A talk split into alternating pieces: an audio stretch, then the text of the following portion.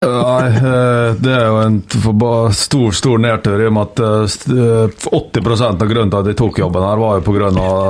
Seid og Noah Holm er her. Så nå er 40 borte, og da eh, ja, da, be- da, da begynner det å bli blanke ark. Flere, blankere enn blanke ark. Og det orker jeg ikke. Oi,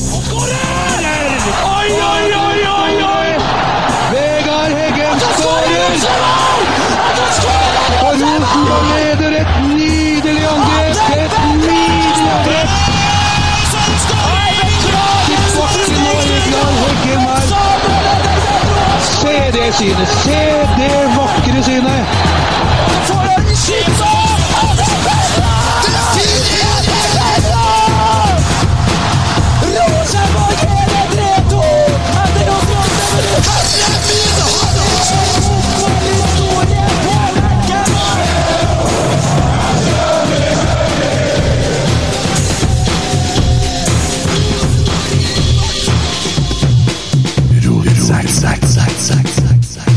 Ja, ja, ja. Ukas gjest er født i 1960 og er en tidligere målvaktslegende med 349 kamper for klubben. Han har òg vært assistent og hovedtrener i Rosenborg. Han har spilt for Freidi og Strindheim. Han har sju seriegull, fire cupgull som spiller, samt en deltakelse i gruppespill i Champions League. Han var også med og vant sju seriegull, to cupgull, og bidro til at klubben kom i seks gruppespill i Champions League som en del av trenerapparatet i Rosenborg. Han vant Kniksen-prisen i 92 for årets målvakt, og Kniksen hederspris i 1995. Og han hadde en spillekarriere som strakk seg helt fra 1977 til 1995. Han har vært assistent på landslaget i sju år, hovedtrener i Ranheim, journalist, trommeslager i punkbandet Edge og er utdanna cand.mag. samt utgiver intet mindre enn tre bøker. Han er i dag kommunaldirektør for kultur og næring i Trondheim kommune, og er kåra til ukas legende i en tidligere episode av Rotsekk. Dagens gjest er Ola By Riise. Velkommen. Takk. Velkommen. Du verden. Det var en lang, lang, lang introduksjon. Ja. Det er ikke mye du har gjort. Gjort litt av hvert. Det mangler bare en master i organisasjon og ledelse inn der. Det gjør det, ja. Er Stor ikke. Ja, og da må jeg jo bare spørre, det gjør jo deg til den komplette styrelederen i Rosenborg. Det gjør det, ja. Ja, det gjør det. Du har trenerutdannelse, så du har vært trener, du kjenner, du har vært spiller, du har sittet i styret, du er litt sånn politiker, du skriver sangtekster, har vært trommis, ærlig talt. Ikke sant? Det Er det helt, er det helt umulig å kombinere de to jobbene? Ja, det er krevende. Men eh, livet er jo langt, da. Så vi vet jo ikke hva framtida bringer. Ja, men det- Kan jeg steppe inn på noe på kommuneplanen her, da? Du kan få 14 dager, Ja. så kan vi se. Jo, jo, det er jo Må jo gjøre mye. Jeg tror at du er veldig bra esla til å sitte i den stolen her. Ja. Det, Det var en fin måte å si det på. Det var ja, ja, det, ja, nei. Nei, hvis jeg kunne bidra litt sånn at du får frigjort litt tid til å ta styreverv Vi har jo nominert deg til den eh, så desidert beste kandidaten til styret i Rosenborg til å sitte som styreleder. Det er jo ingen som ikke liker deg. Alle liker deg. Å jo da, det er sikkert mange, men de sier det ikke så høyt. Nei, de sier det ikke så høyt, og folk snakker høyt nå på sosiale medier. Ja. Det gjør de. Nei da, men det er jo veldig hyggelig. Ja. Ja, det er det. Nei da, jeg har en sterk binding til Rosenborg, jeg, så det, jeg føler mye for klubben. Og det har jeg gjort siden jeg ble hevet inn i garderoben og ut på banen når jeg var 16. Så jeg har levd livet mitt eh, veldig mye gjennom eh, klubben, så jeg følger med. og Det er ikke sikkert at mitt siste bidrag til klubben har eh, kommet ennå, Nei, jeg håper ikke det. men det blir ikke mål. Hæ? Det blir ikke mål. så- Nei, jeg vet ikke. Det kan hende du duger der. Jeg vet ikke, Spiller du noe fotball? Nei, jeg, har, eh, jeg går mye mer eh, turer. Jeg har, eh, der har jeg vært veldig fornuftig. Jeg har holdt meg unna. Ja. Det er sånn at Hvis du spiller på når du begynner å bli litt voksen og du har glemt å veie deg de siste par månedene, så kan det hende at det er noen som kommer akkurat like langt for seint inn i duellene som Morgan Kane brukte på trekk i gamle dager. Så det, er, det går gjerne både noen korsbånd og eh, akilleser og litt av hvert. Så jeg har holdt meg unna det. Men Du hadde et lite comeback i 2017 da, Ola? For det var jeg og så på, nemlig. Ja, men jeg, var, jeg må innrømme det. Jeg, var litt, jeg følte meg litt rusten og var litt eh, Så der var jeg litt defensiv, egentlig. Ja. Jeg var eh, Ja. Eh, Men det var veldig artig. ja. Fantastisk det 100-årsjubileet å få lov til å møte hele gjengen og, og være ute på banen. Og da var Bjørn Hansen og Nils Arne utpå der, så um, det er tida som plutselig så um, er de godt. Ja. ja, det er ei uke siden dødsbudskapet kom. Eh, hvordan har uka vært? Har du vært involvert i noe i forbindelse med Skal du være med på noe på fredag og sånn? Ja, jeg skal, eh, jeg skal i begravelsen. Eh, Og, så jeg har vært involvert i, jeg har vært i dialog med familie. Der og mange har vært. Ja. Jeg syns det var en blytung beskjed å få. Det, jeg tror det var veldig mange i hele både Trøndelag og i Norge ellers som uh, følte at de kjente Nils Arne. Mm. De hadde et forhold til ham. Uh, måten han var på. Uh, den folkelige, sammensatte I det ene øyeblikket snarsint, og i neste øyeblikket så er det et sitat fra Wergeland eller eh, Ibsen. ikke sant? Og, og, og han eh, laga et Rosenborg som både appellerte ut på banen, og som eh, også hadde eh, mye kvaliteter utafor. Så han eh, gjorde alle oss som var involvert, til hele mennesker, på en måte. Ja. Du gjorde jo en veldig fin jobb i Det blir jo i fjor, før jul, med de videoene som ligger ute på YouTube og i, i Rosenborg, da. Der hadde dere en, mange samtaler, skjønte jeg. Det hadde vi. Jeg syns jo det var rett og slett stas å bli spurt om å gjøre det, og være den som da prata med Nils. Eh, Opprinnelig skulle være en interne opptak til akademiet i Rosenborg, sånn til internt bruk. Men så utvikla det seg til å bli noe mer. Det, det ble jo mer en samtale mellom oss, og det ble en eh, vi gjorde flere opptak og eh, ble enige om at det måtte brukes sånn som Rosenborg ønska å bruke det. Eh, Så det var en Rune Bratseth som ringte først til meg og lurte på om jeg kunne gjøre det. Jeg sa at det vil jeg veldig gjerne gjøre. Og så var det svært mange runder før vi, eh, før vi fikk, eh, fikk en Nils til å komme. Ikke fordi han ikke ville, men fordi han var litt sjuk. Og mm. CRP-en gikk opp, og han hadde ikke, da hadde han ikke mulighet, og så måtte det utsettes, og så rigga vi på nytt. Så det ble eh, to Det ble tre runder på eh, hver på to ganger 45 pluss gode tillegg.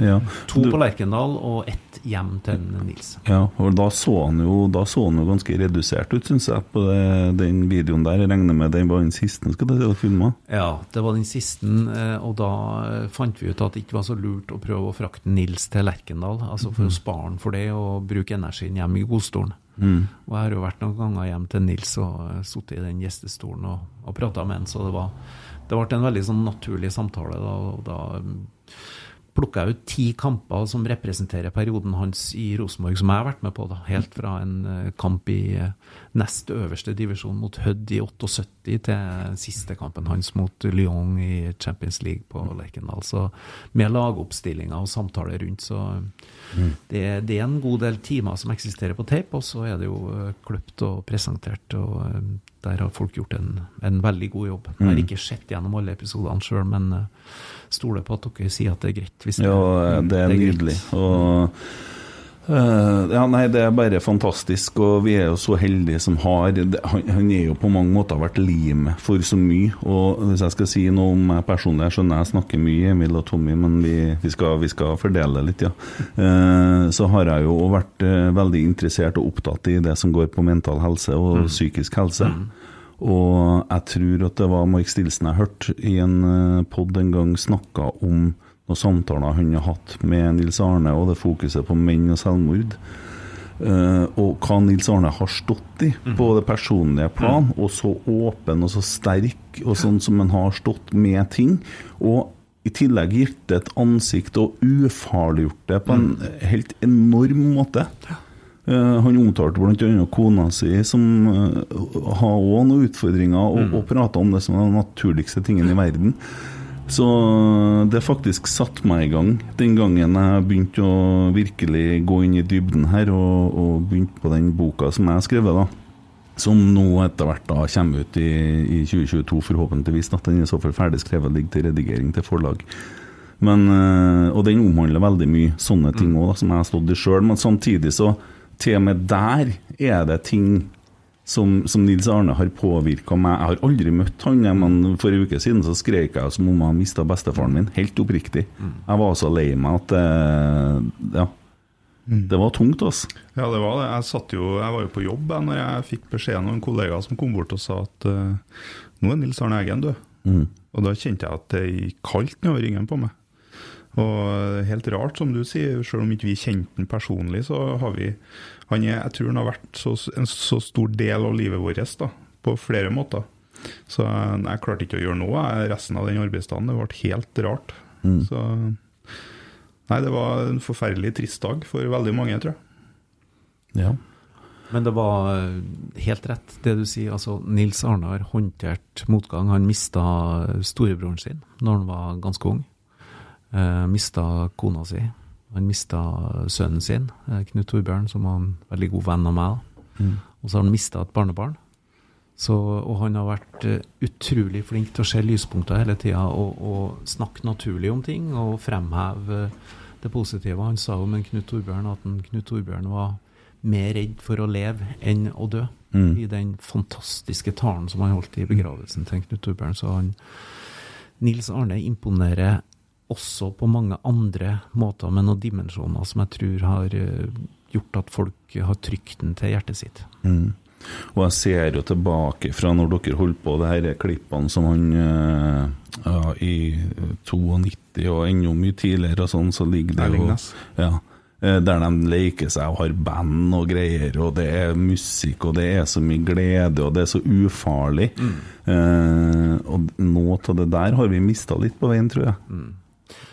Det ligger mye i personligheten til en, eh, Nils òg, akkurat det der. eh, evnen til å ta øyeblikket og også snakke om de, de tingene som mange oppfatter som farlige. Så han har vært døråpner til svært mange områder, inkludert eh, psykisk helse. Ja. Gjennom den åpenheten og den måten han, han presenterer det på. Det blir så naturlig og så uh, like til alt det han, uh, han gjør. Så eh, fantastisk på det området der. Ja, jeg har latt meg fortelle at dagen etter Knut Torbjørn døde, så var han oppe og snakka med spillerne dagen etterpå. For å gjøre det enklere for dem. Dette var jo etter han hadde trent dem året før. Så for han til Lerkendal, var inne på brakka, og gikk opp og prata med, med spillerne og fortalte hva som har skjedd, og, og tok liksom eh, Hva skal jeg si Han bare ufarliggjorde det, da. Og, og, og for at det skal være enkelt for dem. Det, det er jo helt utrolig. Eh, imponerende. Mm. Og viktig. Mm. Han er en fargeklatt som på en måte har gjort en svart og hvit eh, klubb eh, fylt i regnbue, da, i alle fargene. Ifra, som du sier, ene sekundet kan være så sint at det nesten koker over. Jeg var jo her på fotballskolen i 99 da han formelig datt ned trappa på den eh, tri tribunen på innbyttersida. Mm. Og så kom han opp og liksom holdt et helt rolig foredrag om hvordan man kunne bli Rosenborg-spiller en dag, som om ingenting har skjedd. Det var, jeg tror det var Runar eller hvem det var som slo i Mm.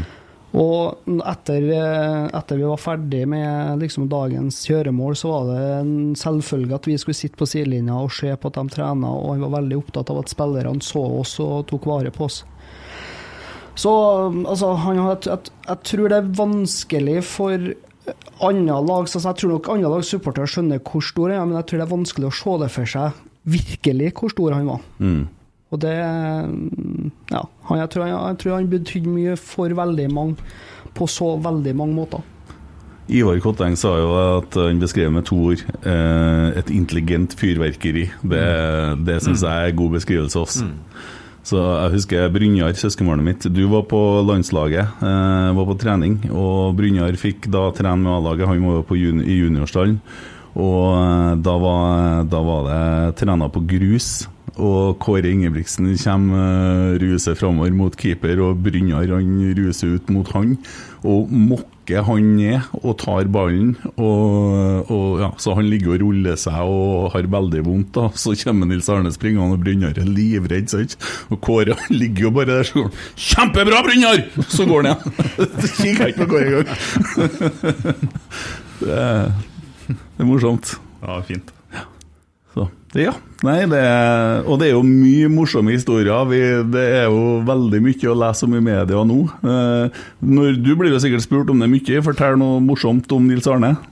Ja, det er mange historier. Jeg kommer egentlig rett fra et uh, intervju med VG om, ja. om, Nils Arne primært. Uh, nei, det er jo noen uh, eventyrlige historier. Det, en av mine yndlingshistorier er jo når den gamle grusbanen på bak Lerkendal ikke var slått av kommunen.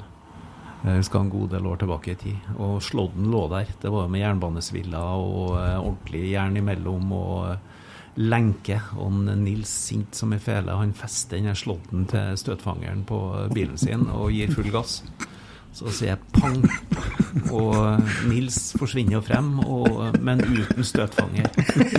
Og det var svært vanskelig å holde seg alvorlig for oss som sto på sida, men vi gjorde det beste vi kunne. Så han, men han var jo stor nok til å se, se det komiske i det. Mm. Men mm det har alltid vært det umulige som han har strekt seg mot.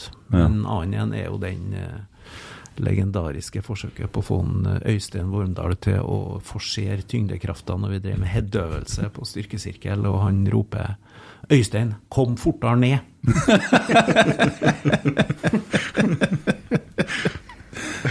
ja, det Men det er nok sånn du må tenke hvis du skal få en gruppe med folk som skal prestere til å bryte nye grenser. Da må mm. du tro at uh, det umulige er mulig. Mm. Og det gjorde han. Ja. Men Ola, du er, altså, jeg, jeg, har jo sett på deg siden jeg var liten guttunge og satt ute i Valdresund her, og Trondheim var en helt uoppnåelig verden langt lagt unna. Dere var store stjerner. Jeg husker 1988, når Mini og Ørjan kom til Trondheim, og hvor stor stas det var. Det kassettene begynte å komme. og, og, og du har jo Rosenborg i hjertet ditt. og og når, når, begynte du å være du, For du ble jo hjelpetrener, sant? Mm. Når var det, eller assistenttrener. Når var det det skjedde? Det var først til en eh, Trond Solli i 98. Det. Ja. Så jeg slutta som spiller i 95, og så var jeg vel tredjekeeper i Champions League og eh, keepertrener innimellom mens jeg var journalist i to år. Og så ble jeg spurt om å være med da Nils skulle ha et hvileår i, i 98, sammen med Trond Solli. Ja. Så fra da av så var jeg i Rosenborg frem til 2004. Ut 2004. Ja, og, du, du var, og så var jo 2004 Da fikk jo du en sånn litt opplevelse egentlig som KR, egentlig. For du fikk jo sparken før sesongen var ferdig, og vi vant serien. Dog i siste sekund, nesten bokstavelig talt. Ja da. Det var det er ingenting som slår det å vinne til slutt, så eh, regien var veldig sånn perfekt. Men Hvordan bærer du det, da? Hvordan bærer du laget og det å vite det? det jo, du, har jo, du, har jo, vært i klubben siden 78, er jo ikke det? 77. 77, ja. Mm. Nei, men egentlig så var det veldig greit, fordi at eh, det å ta over etter Nils, det var krevende. Fordi at alle sammenligna med Nils Arne. Mm. Eh, så var han Åge der i mellomtida sammen med meg i 2003, og så skulle jeg ta over. Og sett i ettertid så er jeg nok, har jeg vel en følelse av at klubben egentlig ikke ønska meg, men de oppfatta at jeg kunne ha med Nils Arne mm. i større grad. Så jeg tror nok at det var ønsket om en Nils var større enn ønsket om meg. Ja. Eh, så gikk det nå ikke så aller verst, da, for vi kom nå, vi kvalifiserte oss til Champions League, og vi, vi lå jo an, vi leda serien hele veien. Vålerenga drev og spiste inn på oss. Eh, så det var to kamper før slutt at det tvang seg fram en, en avgjørelse, for da holdt vi på å miste all energien. Så, mm. så da ba jeg om å eh, Altså, jeg måtte ha tillit hvis jeg skulle kunne fortsette. Og nei, hun kunne ikke gi noe svar for etter serieslutt. Så, så enten så må jeg ha tillit, eller så må dere si at jeg ikke skal fortsette. Mm.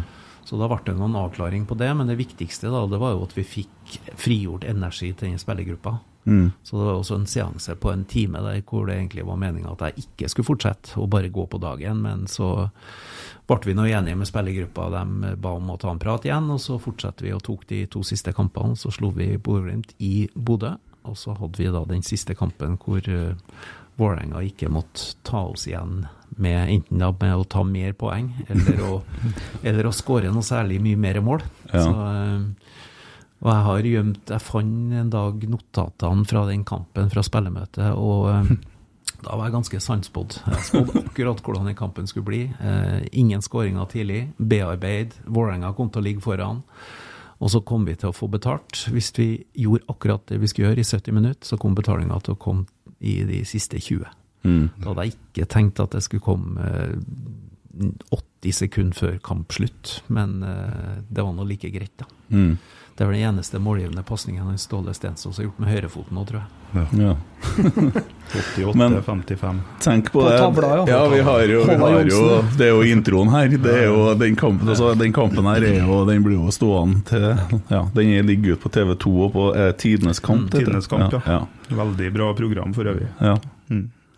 Nei, så det var Når du vinner, vet du, så er jo det uansett stas. Så, Mm. Og det var en stor opplevelse for spillerne og en stor opplevelse for meg. Og publikum de gikk jo hjem når kampen var slutt. For at eh, kampen om gullet var ikke slutt. For en, eh, Kjetil hadde jo holdt igjen laget sitt i- garderoben i pausen Mm. eh, nede på Ullevål, så de spilte jo fire minutter ekstra, fem minutter ekstra etter at vi var ferdig. Mm. Så vi vandra hvileløst rundt og lurte på om det ble gull eller sølv. Men eh, gull ble det. Ja. Det er bilde av en Vidar Riseth som jubler Med på krykkene, krykka ja. Altså, det, det er Ja, det er helt eh, Han måtte jo gå ut. Da hadde vi mista Ørjan Berg tidligere. Eh, Vi hadde jo nesten ikke spillere igjen på slutten, men det ble ikke gjort noe stort nummer av det. det De som var der, var gode nok, og de spilte Det var Rosenborg-spill i de siste kampene, så det Det ble stående helt greit. Ja, det ble jo det. Så, men da forlot du klubben, og så kom det noen andre og tok over. Men så har du vært inne i styret, og du har også vært i Ranheim, vet jeg. Jeg trente Ranheim eh, en sesong, eller jeg tok over etter eh, ti kamper av 30, og da uh, lå Ranheim på nedrykk. Mm. Så vi tok to poeng i snitt da, og fikk playoff. Vi, Hvordan år var det? Det var i 2015. Ja, så Brynjar som var her, da. Ja. Ja, det var det, vet du. Nei. Var Da var han i Scania-cupen. Ja, han dratt dit, da, ja. Ja, akkurat, ja. ja for du, du kom etter han nordlendingen, han Åsmund Bjørkan, kanskje? Ja. Mm, sånn, ja. Ja, Da rakk vi å krysse, og da rakk vi akkurat å bomme hverandre, for da var jeg litt involvert i Ranheim i den tida til Brynjar, at jeg laga en sang for dem og litt sånne ting. Det er noe sånn får penger, så. Men eh, Ranheim, fantastisk klubb, og det var veldig artig å være der. Altså. Og Ja. det er også et miljø rundt med veteraner som eh, hadde dugnad som eh, utstyrsansvarlig, og eh, folk gledde seg når det var seier, og ble lei seg når det var tap, og det betydde noe for dem, og det hadde noe med identiteten å gjøre. Så Ranheim er òg en, en fin klubb. Ja, det er jo det. Eh, Det er viktig for oss at de er i Obos òg, syns jeg. Så får vi nå se. Det var, det var så vidt i fjor, da. Det gikk i hvert fall feil vei på slutten av sesongen. Så hadde det vært flere kamper i fjor, så tror jeg kanskje ikke at de nødvendigvis har berga heller. Ranheim er seig. Ranheim eh, klarer seg. Finn talenter og sett dem sammen. og I hvert fall har det vært sånn i, i veldig mange år nå. Mm. Jeg skulle ønska meg at de, eh, Rosenborg var flinkere å se til Ranheim. Vi gjorde jo det med Ole Sæter nå, vi så han jo i dag. Han hadde jo faktisk noe Ja, han så jo ut som Maradona en seanse der. Ja, han gjorde det. det. var jo helt uh, Hvem andre enn, sa vi når vi så litt på avstand? Og så var det Ole Sæter. Altså. Ja, vi har jo liksom avskrevet han litt, og så begynte vi å oppdage at han var der. Og så Rasmus Idersen Pål. Ja. For et mål! Han eh, jeg sa vel i stad, han vet hvor krysset er hen. Ja. Det var Ja, hvis den Jeg gjør det. dere. Der har du en brattbakkaktig dude, altså. Garantert. Det er jo helt fantastisk når dere har pod om siste tre- Rosenborg-trening i januar. Det er jo helt uh, Vi fant magisk. Vi fant oss et lite tak under ei brakke der. Der var det ikke sludd. Men ellers var det ganske surt i dag. ja. Ja. Men Sæter han kan komme tilbake, vet du. For at det å få litt motgang og få litt eh, energi og eh, lyst til å inn, og der kan det plutselig skje spennende ting. Mm. Vi håper det. Så tror jeg også det er viktig nå med en inntoget til Kjetil og Geir og Roar nå, da, etter hvert, er jo det at uh, nå starter virkelig alle på blanke ark. Og dere sa jo det med intensiteten nå. Eh, Ja, det var helt voldsomt. Det er så stor forandring fra i fjor til i år. Ikke for å snakke ned Åge. Vet ikke jeg hvilket forhold du har til Åge akkurat, men eh, ble han uspiselig i 2003 for oss? Ja, da er, men det er viktig, vet du. Der må du lytte litt til Nils Arnaa med det store hjertet. Det, mm. Åge gjorde en god jobb i 2003, og Åge har gjort mye bra utenom. Men det ble ikke klaff i fjor. Det Nei, det ble ikke. Han, eh, han så uinspirert ut i perioder, syns jeg. Det var veldig frustrerende å sitte og se på både treningene og, og se noen av de kampene. Altså, det Brannkampen summerer jo opp hele året, egentlig, 2-2-kampen der. Men vi ser jo det nå, da, at uh, nå har vi fått inn uh, altså Trond Henriksen og Jørn har jo gjort uh, en fantastisk jobb i så veldig mange år for klubben, men nå var det på tide at Lunna og Roar skulle på en måte komme inn og ta og fylle deres roller og få nye ansikt inn i, på trenerfeltet. Det å få inn Kjetil og Geir, som har et godt samspill fra HamKam-tida, det, det er så utrolig viktig, da. for det akkurat det samme som man på en måte, hvis en skal være litt nostalgisk, da kjenner igjen i- fra Nils Arne-tida, med, først med Bjørn Hansen og etter hvert det, sammen med deg òg, da. Det er liksom det, den dynamikken. Man merker at eh, Og så er det at eh, de, de, ønsker, de ønsker seg et sted. De, de har en tydelig plan på hvor de vil hen. Og det blir viktig hvis du skal løfte Rosenborg tilbake til nye høyder, tror jeg. Hva er hva er dine tanker om Roar Strand inn i trenerteamet? Det tror jeg er veldig bra. Jeg kjenner jo Roar som eh, godt som spiller. Eh, Jeg har jo spilt sammen med han og har vært trener for han. Det fantastiske med Roar det var at når han ga beskjed til sida om at jeg er tom, det betydde at da sprang han 100% i 15 minutter til. Ja. For han åpna kjellerlemmen, som en del eh, spillere ikke vet at de har, og var ned i kjelleren og, og henta ut uh, siste rest av energi. Så 100% Så kan en Roar mye fotball. Og en Roar han er Han sier ikke så mye så ofte, men han, det, han, han tenker mye, og han ser mye, og han har gode kommentarer. Det hører jeg fra unge spillere som har eh, opplevd den som medspiller. Så han Roar han tilfører en, en eh, kunnskap om det som har vært suksesskriteriene i Rosenborg i gullperioden, så han kan komme med innspill, og jeg tror han kommer til å ha en god dialog med spillerne. Du trenger litt forskjellige roller i et trenerteam. Det er noen som leder det hele og er sjef, og så er det noen som kan ha den én-til-én-praten med spillerne også. Så mm. fordelinga der i et team er, er veldig viktig. Det er liksom ikke bare én, det er hvordan man fungerer sammen. Han balanserer jo Geir og Kjetil veldig fint, da. For eh, jeg var, har jo vært bare på ei trening på den første treninga deres forrige lørdag. Og du hører jo det at uh, Geir, han er på. Han er veldig verbal og tydelig på hvor han vil hen, og da er det jo helt perfekt å ha en uh, liten rolig, sindig nardogutt i en Roar som kan gå og ta vare på enkeltspillere. Mm. Ja, og så jo det når han eh, Hammerås lå på treninga og ble skada. Roar er jo først noe som er der, og da han gjør den Bjørn Hansen-jobben og er han som holder opp giljotinen, som du snakka om en gang. Balanserer uten litt, tror jeg. Så det kan nok være veldig klokt, ja. Eh, jeg skulle stille spørsmål til, ja. Uh, som jeg tenkte på, for du satt jo i styret i noen år òg. Ja, jeg satt vel i ett og et halvt, men så gikk jeg. Jeg var litt sånn litt ut og inn der òg, men jeg satt i en periode, ja. Det gjorde jeg. Mm. Og så ser du etter hvert et Trøndelag som blir mer og mer splitta, i en verden hvor eh, som blir mer og mer polarisert med sosiale medier, så ser du at det blir ytra kraftigere meninger, og det er ikke alltid så nyansert, det som kommer heller. Og splittelsene i, rundt Rosenborg og i, i systemet her nå, de har vel kanskje aldri vært større enn hva de var i 2021. Hvordan oppleves det å se det? Nei, jeg registrerer som en sånn utviklingstrekk. Eh, Jeg tenker at det som, som dere jobber med, jeg syns det er veldig artig når Norges beste imitator skal sette opp drømmelaget sitt. Og jeg tenker at, liksom at det, det er en annen generasjon lag enn det- enn den gamle gjengen. Eh, Det skjer ting. eh, Sosiale medier har eh, tatt over. Det er Podder er like viktig som Dagbladet sine oppslag, for å ikke si mye, mye viktigere. Altså Noen, noen medier blir marginalisert, og så er det sånn at enkeltstemmene får lov til å komme frem. Og det er jo sånn demokratiet fungerer. Så jeg syns ikke det er noe skummelt i hele tatt. At det er veldig mange som da kanskje bruker mer utestemmen. Det er lettere å gjøre det med to fingre på tastaturet, eller eh, når du spontant gjør noe levende på, på nett. nett. Men eh, det må jo klubben tåle. Altså Det må jo alle tåle. Samfunnet må jo tåle. Det er jo en del av demokratiet. Verden er i utvikling. Hvis du hadde vært styreleder i fjor, hadde du ville ha håndtert media på en annen måte enn hva Ivar har gjort? Det er jo et veldig ledende spørsmål. Det er et ja-nei-spørsmål.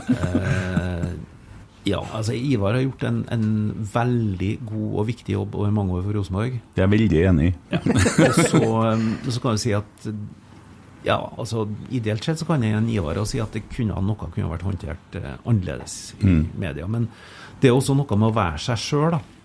Sånn at Ivar må få være Ivar, og andre må også få lov til å være seg sjøl. Så jeg tror at vi blir dårligst hvis vi driver med sånn eh, rollelek.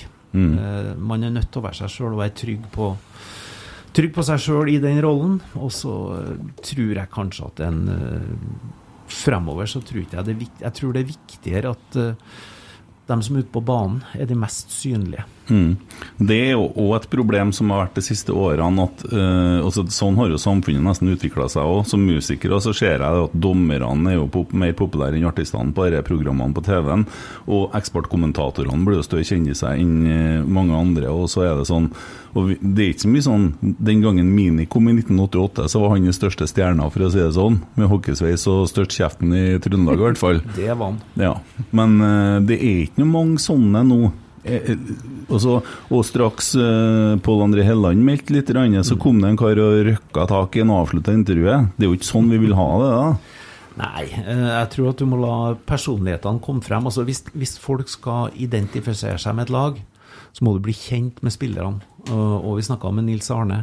Det er jo fordi at folk da ser at det er jo ikke tilfeldig at Nils Arne snakka om at vi skulle være folkelig, og ikke at vi skulle ha folkskikk. Eh, Fordi at da kunne du bli sint, og så kunne du be om unnskyldning etterpå. Og det er veldig sånn sjarmerende, levende, ekte trekk. Og jeg tror at publikum må ville ha ekte spillere, de vil ha personligheter, de vil ha folk som har litt farge, folk som har litt meninger, men så må du ikke bli en sånn meningskall som ikke lever ut på banen. Det er jo en balansegang der òg. Hvis du blir en sånn mediefigur som ikke leverer der du skal levere primært, så blir det, det blir jo ikke bra. Så eh, jeg tror nok at eh, det er mer krevende, for at du skildrer jo en situasjon der du bygger opp profiler. Det gjør jo TV-kanalene, de bygger opp profiler. Og da bygger de opp sine programledere, eller sin, dem som er gjengangere i ruta, sånn at de skal være interessante, og eh, folk skal være nysgjerrig på hva de mener. Men vi må slippe løs de spillerne. De må få være trygge til å være seg sjøl. Ja. Jeg savner spillere som melder, altså. Ja, men samtidig så ser du jo nå at eh, det holder på å komme noen på en måte profiler tilbake til Rosenborg. Du husker jo, den, du husker jo Mini. Jeg var jo der når Jon Carew kom. Uh, fikk jo se han være med på de første treningene i 99. Og, eh, og nå i, i fjor så var det jo flere gutter som satt framfor oss med Holm bak på ryggen og Vekkia og Tagseth, Skarsheim, eh, lokale guttene. Og ingenting hadde gleda meg mer. Eh, Jeg vet jo at du tuller med meg mye om det, men ingenting hadde gleda meg mer om en Ole Sæter hadde eh, slått igjennom. For vi trenger en person som tør å melde i Du vet at jeg er helt enig med deg i det? Ja. Ja, Men han er ikke noen legende. Jo da. Å, herre. Det er noe galt med det. Ja. Det stemmer. Mm, skal vi ta med noen spørsmål? Det kan vi gjøre. Ja. Uh, Starte øverst, så er det Jonas Aune Sunde som begynner. Sjokkerende. Ja. Uh, ta det på strak arm nå, da. Hvis Ja. du skulle komponere et Rosenborg-lag med spillere fra de ti som spiller og trener, hvordan hadde det sett ut? Nei, det Skal du ha kort svar på det, så blir det altså, Det kan jo være laget som slo Dortmund i 99, det. Ikke sant? Med pluss eller minus. Jeg tror jo at det er den aller beste utgaven av Rosenborg noen gang. Eh, også gjennom resultatene, men prestasjonene. Eh, så det tror jeg så det en gang når jeg jobba med landslaget i opptak tilfeldigvis en kveld, seks-sju år etterpå, eh, og tenkte at hvis det hadde vært en prestasjon i dag, så ville veldig mange av disse vært aktuelle på dagens landslag. Sånn at det, det var et veldig høyt nivå. Men det blir litt sånn Det er en øvelse som kan ta en hel kveld å drive og plukke ut spillere. Sånn, for det har vært Altså, en Odd Iversen er jo virkelig en legende, og jeg var jo borti han så vidt da som spiller når jeg var ung og han var Ja. godt voksen. Og jeg tror at uh, i dag ville han vært en superstjerne. Og hvis han har vært behandla ordentlig fysisk og ikke ødelagt knær og drevet rovdrift, så ville han ha vært uh, Haaland-ish. Oi. Ser du det? Ja. Men du spilte med Odd Iversen? Ja, så vidt. Ja. Så vidt. Det gjorde jeg. Dæven, du rakk å spille med både far og sønn? og- Jeg Nei, rakk å du rakk spille- ikke Jo, det Ja, gjorde jeg. 95 Ja. 95 så var han Steffen kommet, så jeg Jeg spilte sammen med en eh, Odd. Jeg spilte også den avskjedskampen for en Odd. Og jeg spilte den siste seriekampen jeg Odd spilte, mot Viking på Stavanger stadion. Odd satt på benken, han skulle slutte, han var 36, dårlige knær. Vi var rundspilt, Viking leda 1-0. Inn med Odd Iversen. Bopp! 1-1. Andre gangen, bopp! 2-1 til oss. Så ble det 2-2, og han Tore Haugvaldstad, som var keeper på Viking, han applauderte åpent da han, eh, Odd skåra det andre målet. Ja. Helt legende. Så husker jeg en Steffen når han kom på treningene i 95, og det irriterte meg voldsomt, for at han hoppa opp og tok meg nesten i en duell hvor jeg brukte hendene og han bare hodet. Så tenkte jeg at den unggutten her er noe med. Så eh, far og sønn eh, har holdt eh, svært høy klasse også hos familien Iversen. Men han for veldig fort, da. Det gjorde han, men vi ser det litt i dag òg. Du kan si at jeg tror at en av grunnene til at vi hadde så stor suksess, det var jo at man fikk beholde spillerne. Nils Arne fikk lov til å beholde spillerne over tid, og fikk jobbe med et lag hvor spillestil gikk i ryggmargen, hvor relasjonene mellom spillerne var helt kjent, fordi at det forsvant bare én, og så kom det inn én eller to nye, og så hadde du en stabilitet over tid. Og da var det ikke helt etter planen at en Steffen skulle fære så tidlig. Nå fær jo spillerne litt tidligere, og gjør det vanskeligere å, å få gjort akkurat det samme. Da må jo trenergjerninga endre seg veldig i forhold til hvordan de, de angriper dere der. For du, du må jo klare å fornye deg på en annen måte når du skifter ut. Så ser du Bodø nå, mm. Hvor mange spillere ikke som har forrige? Og de skal møte Celtic om noen dager, liksom. Nei, jeg vet at eh, det var kanskje ikke sånn at dere skryter av Bodø-Glimt i hver eneste eh, sending, men, eh, men eh, Bodø-Glimt har gjort en fantastisk jobb. Plutselig er de tre beste spillerne Plutselig har det fucket eh, 80 målpoeng ikke sant, fra forrige sesong, og så får de i folk som passer rollene, og så får de det til igjen. Og det er litt for at de driver som Rosenborg 2-0 eller 3-0, med dyrking av roller og bevegelsesmønster, og så tar de ting også et, et hakk lenger. Men da er det sånn at eh, da får han Leo Gjelde på et tidspunkt som ville ha fått Nils til å rase sant, ut av Norge. Så velger han en annen vei, og så har han debutert for Leeds i Premier League. Eh, omtrentlig før han har førerkort. Sånn at det er mange veier til å bli en god fotballspiller, og verden er i større forandring. og Folk blir tidligere snappa opp av eh, klubber i større liga. Ja, Det er jo litt trist, fordi at vi, det å skal klare å få til noen slags kontinuitet, det er jo veldig vanskelig da, når vi er plassert her vi er i verden. Det er det, men du må bygge opp du må, du må Først må du identifisere talentene tidlig. Så må du utvikle dem, og så må du stole tidlig og gi dem tillit, dem som du tror på. Og så får du heller da være en, en selling club, for å holde oss til trøndersk. altså Sånn at du, du, du, kan, du får penger gjennom at du selger en del av dem, men du må selge dem på riktig tidspunkt. Og så får du inn nye talenter. For det som skjer da, det er jo at de spillerne da som er sultne rundt om, de sier at ja, men Rosenborg er et fint springbrett for å komme seg ut i verden. Der blir vi satsa på, og der får vi en mulighet til å gå videre, hvis vi har lyst til det. Så det er også litt hvordan klubben bygger seg opp som en plattform. Ideelt sett så skulle alle gjort som en Roar og en Erik, som ble i klubben hele livet.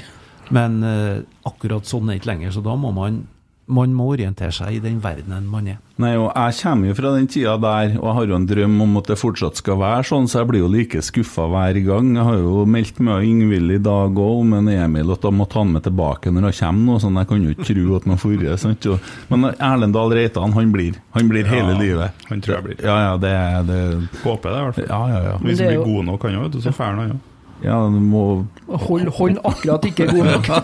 God nok til å vinne gull og få oss ut i Europa, med 19 år. ty Tyrkerne kjøper den der. ja, det Men det er klart at en Emil skulle ha vært litt lenger og virkelig etablert seg som en fast eh, stjernespiller i, i Rosenborg, det er ikke noe tvil om. Eh, og så Erlend har jeg veldig tro på, han er jo naboen min, så det Men han er hele ved, og han har veldig mye av det som skal til for å bli en, en back på, eh, som spiller landskamper. Ser det at han har vokst mer og mer, og nå er han en av mannfolkene i Rosenborg. Han er, det er power, og det, jeg syns han ser ganske hurtig ut òg. Han kalte seg Ja. sjøl for at han sier at han har selektiv hurtighet, har du hørt det? Jo, men han, jeg mener han har fortalt at han har vært raskest på hurtighetstestene i klubben I i hvert fall Han er topp tre. Ja. Og, um, men det er jo litt bilde på det i Rosenborg nå, da, for at, eh, og, det syns jeg egentlig har vært litt eh, skulle si, sykdommen til Rosenborg eh, i flere perioder. Det det at nå måtte vi starte et generasjonsskifte. Nå har vi en veldig ung og spennende og talentfull stall. Litt det samme problemet kom jo i den tida etter at du var ferdig, der vi plutselig skulle erstatte Brattbakk, Hoftun. Skammelsrud forsvant jo riktignok i 2002. Ørjan Berg. Alle de guttene der skal plutselig skiftes ut. Nå har vi hatt akkurat det samme. Det er Mike Jensen, Tore Reginiussen osv. osv. Ole Selnes forsvant. Han var riktignok ikke gammel, da, men jeg føler litt at klubben er litt, er litt på hælene ja. når de begynner skal skifte ut eh, Eller skal begynne å fornye stallen. Og nå er det kun André Hansen som er igjen ifra dem som tok seriegull sist i Rosenborg. Og det er, det er mye utskiftning, altså. Ja, det er det. Men nå har vi endelig fått tatt vare på Nå er det Emil Seid, selvfølgelig, og så forsvinner mest sannsynlig Dino Islamovic. Eh, og så er det Even Hovland. Men det er mer sunn utskiftning nå enn det har vært på mange sesonger. Mm. Og det er jo et poeng at eh, når du skal ha sånne utskiftninger, så må du fordele litt utover. Ikke alle samtidig, for da går det galt. Ja, men det har vært store Det, er jo noe, det er jo det som på en måte kanskje en Åge Hareide får litt sånn lite ros for, men han gjorde en god jobb med å fornye stallen. Veldig. Det Og han. han tok et ganske kraftig skippertak, og jeg tror det var nødvendig. Så får vi nå se hvordan det blir i år, men jeg har i hvert fall trua. Eh, Lars eh, Ninvi... Det var et rart etternavn. Ninive? Ninive? Ja, etter noe sånt. Har Riise noen tro på at vi nå med Rekdal har funnet rett av mann til å få Rosenborg tilbake dit vi hører hjemme? Det spørs hvor vi hører hjem. Men eh, det er Kjetil har kommet inn, og jeg tror han har overvunnet en del av skeptikerne eh, gjennom at for det første han sier at han er kjempeglad for å få jobben. Han bryr seg ikke om han er tredje eller fjerde eller hvilket valg han er. Han har fått jobben, og det er han kjempefornøyd med. Og så signaliserer han en veldig besluttsomhet eh, og ambisjon på hvordan eh, han skal lykkes med unge spillere. og eh, han har eh, vært uten vinterdag før. Mm. Selv om for eh, noen år siden så hadde jeg aldri sett for meg at en Kjetil kom til å bli eh, Rosenborg-trener. Men eh, jeg syns at det er all grunn til å gi full eh, backing til mm. Kjetil. Og han tar runden, og jeg ser også han, han gjør en del kloke ting, og de stiller rundt, snakke med folk. Eh, og jeg tror han kommer til å fortsette å blæse energi inn i den eh, spillergruppa. Så eh, det er ingen grunn til å si at ikke det skal bli bra. Jeg sitter i hvert fall med et utrolig godt inntrykk etter han var her. Og han har en veldig sånn ydmykhet og folkelighet over seg. Og jeg tenker litt sånn bak i hodet mitt at litt sånn væremåten og med disse her emosjonelle utbruddene og sånn, så kan jeg hende at vi har fått en slags 22-versjon som er litt sånn personligheter som er ikke eggen, men han har i hvert fall en personlighet som er litt sånn Det er litt fyrverkeri over den, så. Men han er nok litt mer Han kan jo ikke altså Nils Arne Eggen har jo ikke kunnet ha sagt det i 22 som han sa på 90-tallet, for da hadde han kommet på framsida og ikke vært i rik- riksdekkende media. Fordi at verden har endra seg sånn. Men jeg tror eh, til den tida vi står i nå, så tror jeg Rekdal har en personlighet som passer oss veldig bra. Mye bedre enn hva jeg hadde trodd, i hvert fall. Og det viktigste er jo resultater. Mm. Det er. Ikke sant? Og så syns jeg det er artig å se når du ser Rekdal i intervjuer og på treningsfeltet, og det, så gnistrer det av øynene hans. Mm. Det er tydelig at han, eh, det her tror han på sjøl. Så hvis han får det til å smitte over på spillerne, så tror jeg det kan bli bra. Så virker det som det ikke er bare tomt prat. Det er en plan, det er en Ja. tydelighet. Det er en, eh, han, han ser liksom hva han ønsker for noe. Om det er 3-4-3-4-3-3 spiller ingen rolle, men han har en tydelig plan på sånn skal vi fremstå, og sånn skal vi gjøre det. Er dere med meg, eller er dere ikke med meg? Savner du å være en del av invitaret på brakka, spør han Morten Røvik. Nei, En gang i tida så var jeg veldig redd for å bli et møbel på brakka. I og med at jeg har vært der veldig lenge. Så, men jeg kjenner at jeg, jeg kjenner at jeg har lyst til å være mer rundt Altså mer rundt klubben og mer, eh, mer inn. Eh, Det handler litt om tid og mulighet. eh, Det, så det er et sånt savn. Veldig rart med det, men hvis du har vært spiller en gang, så er alt annet enn det å være ute på banen. Det blir en slags sånn second hand, altså. Mm. Sånn at veldig mange gamle spillere som føler en slags sånn distanse og den dørstokkmila til å gå inn igjen, den blir, eh, den blir vanskelig. Eh, Men jeg har jo vært heldig og fått lov til å vært i trenerroller, men når du er ute, så står du, står du mer på utsida, og det er vanskeligere å si vi. Sånn at det er en del av meg som kjenner at Ja. Du har en lyst til å være en del av vi. Mm. Men eh, det er, samtidig så har man andre ting å gjøre, og jeg følger ganske nøye med. Da. Sånn at fotballhodet, det, det slutter ikke å skje, og det slutter ikke å fungere. Så det hender at jeg plager naboen min når han går eh, tur med bikkja, altså mm. Erlend, eh, og messer litt på treninga på innleggskvalitet. og og, det syns jeg han har blitt veldig god på. Ja, og du har snakka med ham om det, ja? Det har jeg gjort. Fordi at, og det ser du fra de beste ligaene rundt om i verden. altså Folk slår på et lite tiendedels sekund, så slår du også innlegg som, som treffer med sånn margin på omtrentlig bare diameteren på ballen. I stor fart. Ja. Jeg kan jo fortelle det da, at eh, vi så en uh, mister Adrian Pereira i dag klaske inn et innlegg som eh, virkelig lukta fugl av. Det lukta gull 22 av det innlegget der. Det gjorde det. Han så veldig sharp ut. Ja. Og, så hvis han fortsetter sånn, så spiller han hver kamp i år. Ja, det sånn. Hvis den fortsetter sånn, så blir den solgt, som Adresse ville ha sagt. Samtidig så må jeg helle litt sånn kaldt vann i blodet, for at jeg, jeg har ofte sett stor grunn til begeistring i januar. Sånn at ting, er litt viktig at ting varer også til, til snøen har gått. Ja, men vi, altså, vi har jo vi har hatt et utrolig tungt 2021 og 2020. Og vi som er på Twitter, og det er en del nordlendinger på Twitter òg, og vi får da kjørt oss ganske hardt. og de mener jo at det de har gjort nå eh, Rosenborg er ikke i nærheten, og har aldri vært i nærheten av det som Bodø-Glimt er. Og da sier jeg at de vant jo Eller de har jo gått videre i Inter Totto-cupen 21. Det er liksom ikke noe Det er sånn vi ser det. Punktum. Det er nok litt forskjell på de ligaene, men det går an å huske på Nils Arne sa en gang. altså Den viktigste forutsetninga for å ha suksess sjøl, det er å unne andre suksess. Altså det å klare å konkurrere. Og så tenker jeg at eh, jeg, jeg kjenner i rommet at den er litt vanskelig å her. Eh, og da er det spørsmål om hvor inderlig man skal unne. Da er det mer sånn at man tar det som en utfordring for å si at vi skal neste år så skal vi slå dem. Altså vi skal forbi. Ja. Men det er imponerende det Bodø-Glimt har gjort. Helt, det er helt greit. Men jeg kan fortelle deg at vi, vi rente hverandre. Vi, du har jo noen sånne troll, og dem prøver vi å holde oss unna, bortsett fra han. Du har jo noen Ja, jeg fikk, skal, skal jeg ta den med en gang, kanskje? Ja, jeg skal bare fortelle deg. Jeg, Ja, gjør det, altså, gjør det. jeg, har jo, jeg har jo mye venner i nord, jeg har, og jeg har til og med venner i Molde. Eh, og vi snakker privat, og har fått noen nye venner det siste året òg. Har til og med tilbudt meg å hjelpe dem å komme i gang med podkast. Yes. Og så er vi enige om at sånn her kan ikke vi snakke på Twitter. Her må vi, der må vi ha det artig. Mm. Så da er det med glimt i øyet. Da er det med sånn som vi holdt på på 80-tallet og renta litt på den måten, ikke sant?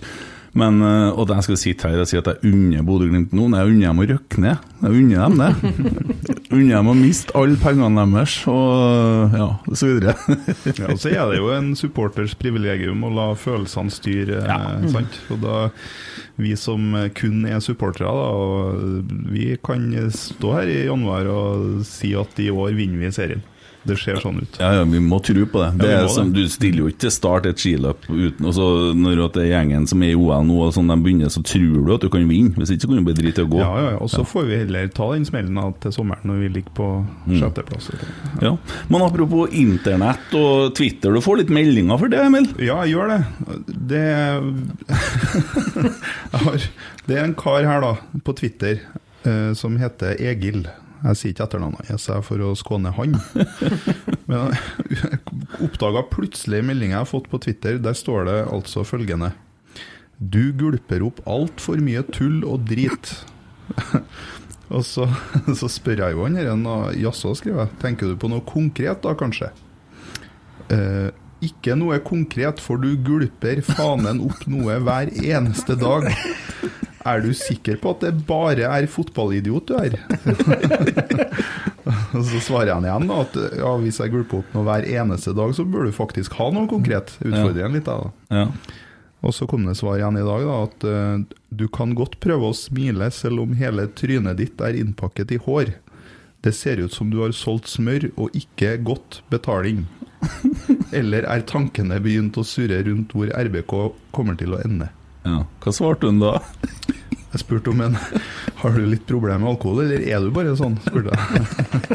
Men han, jeg har fortsatt ikke fått noe svar på hvorfor han er så sint på meg. da. Så, Jeg syns det er Jeg greit. skjønner det, da. Jeg synes det er greit å blokke. Du er en fyr det er lett å bli forbanna på. Ja, ikke sant? Du Det- provoserer mye med Alt er Ja, det er smart av deg å melde at han er lett å bli provosert på. Det er ingen jeg har hatt så lyst til juling som deg. Meg? Ja. Herregud. Altså, det, er noen, det er noen sånne Jeg lurer jo fælt på hvordan de f.eks. Rosenborg-spillere, eller de som har, er veldig profilert på nettet, de må jo få sånne hele tida. De blokker en. Ja, de gjør sikkert det. Ja, du må blokke den. Det er ikke noe å bruke jeg på. jeg på. syns jo dette var litt artig òg, da. Så jeg- det er Ja, plutselig så får han taket. Det er det når du får få litt taket på deg. Ja, Ola, hva gjør du med sånne folk? Får du noen sånne meldinger? Ja, jeg er på Twitter òg, men jeg er litt eh, Jeg er kanskje litt lavere profil enn en Emil har på Ja, for du skriver ikke som du retweeter litt, du også. Ja, altså, jeg, jeg, leit, altså, jeg er litt usikker på hvilken linje jeg skal legge meg på. Ja. Sånn at, men jeg, jeg, jeg er mye på Twitter enn på Twitter hver dag, sånn sjekker, men, men uh, i motsetning til Facebook, f.eks., som jeg ikke er inne på i det hele tatt. Nei. Selv om jeg har konto. Så jeg, eh, så jeg syns det er veldig interessant å høre dialogene, og jeg ser jo også tonen og sjargongen. Men det er klart at vi snakker om spillere og involvering og sånn. Mm. Det vil jo være livsfarlig for en, en spiller å havne ut i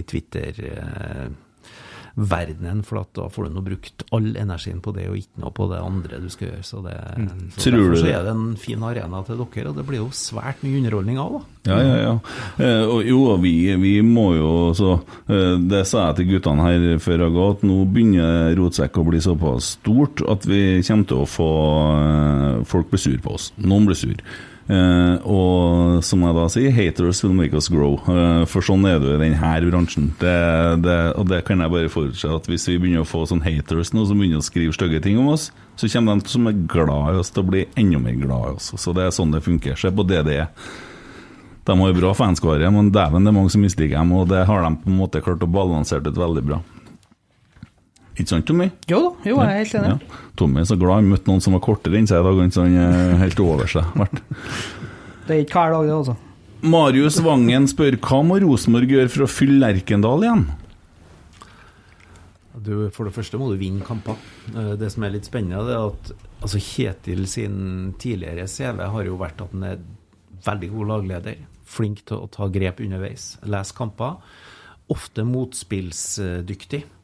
Eh, Og så er folk på Lerkendal vant til en, et spillemønster som de, om de ikke kan eh, gjennomføre det og forklare alt, så er det noe gjenkjennbart hele, hele tida. Så jeg tror at publikum må, må nullstille litt opp i hodene og, og la det Rosenborg-laget som skal spille i 2022-sesongen, få lov til å ut og spille på sin måte, som de velger å gjøre.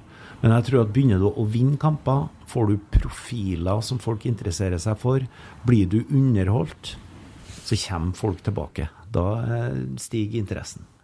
Så, og så må vi antagelig legge den gamle gullperioden bak. Det å klare å nullstille det, det tror jeg også er ganske viktig. Ja, er nå har det vært noen veldig gode sesonger for å nullstille, da. Mm. Det Ja, må ikke vi jo si.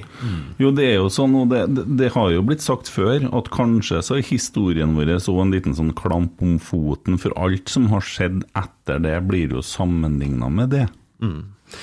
Det er jo helt riktig. Det blir jo litt sånn bilde på det etter at vi hadde vunnet serien i 2004 og kommet til Champions League, så er en av spillerne som sier foran sesongen etterpå i år skal vi revansjere oss. Ikke sant? I sitat i overskrift. Og det er klart at uh, du vet ikke hvor mye du har revansjer. Vant du ikke serien nok? Nå ble det femteplass året etterpå. Og det er sånn symbol for at ingenting var bra nok en stund. Og den tror jeg veldig mange i klubben har kjent på.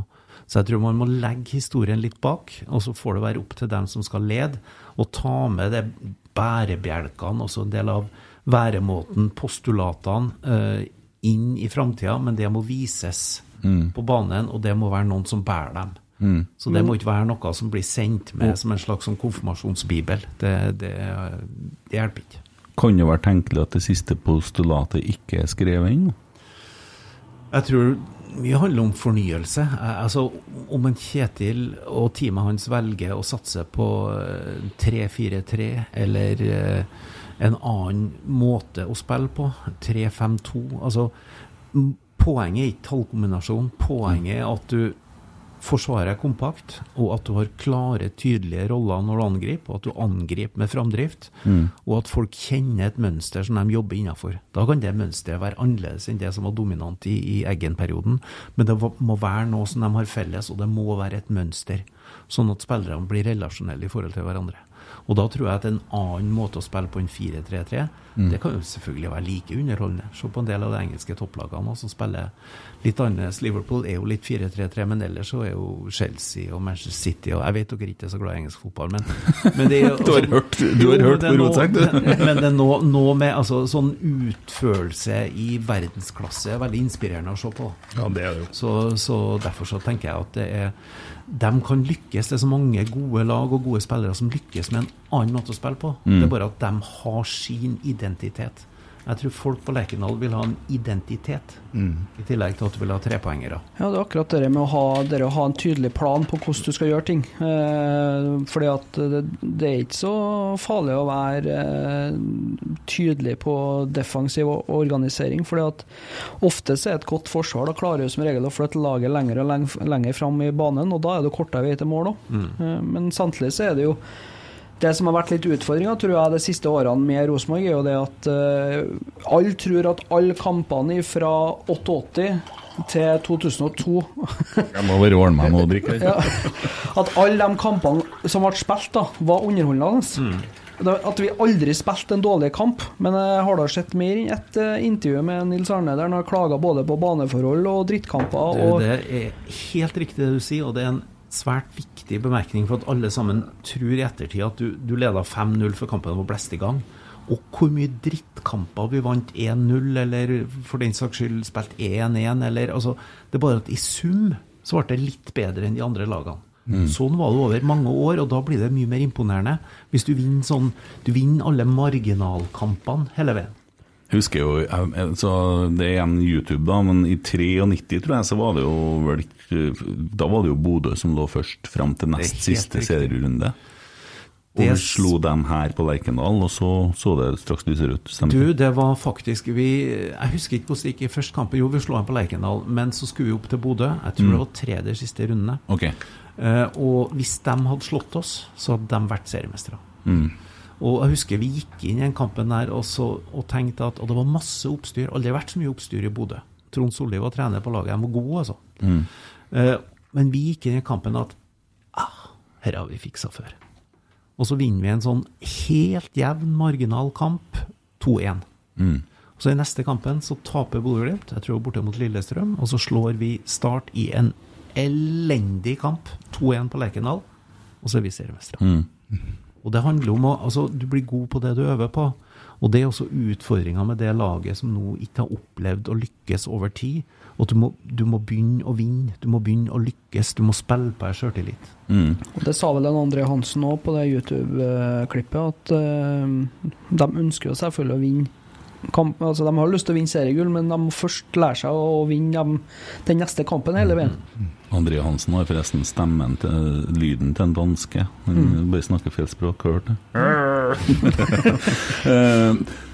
Eh, ja, og samme 2002, der var ikke da Lyn leda med ti poeng. Ja. Ja. så, så det er klart at vi har da, vi har da vært Det har ikke vært bare gull og grønne skoer. Det ble gull, da, men Det var fem kamper på rad den sesongen i 2002. For det første drev vi jo Nå er jeg sammen med Nils, men Nils, og det, det var, vi spilte jo 4-3-1-2, og vi spilte litt sånn forskjellig. Og Lyn vant, og vi vant ikke. Og så var det en periode på fem kamper.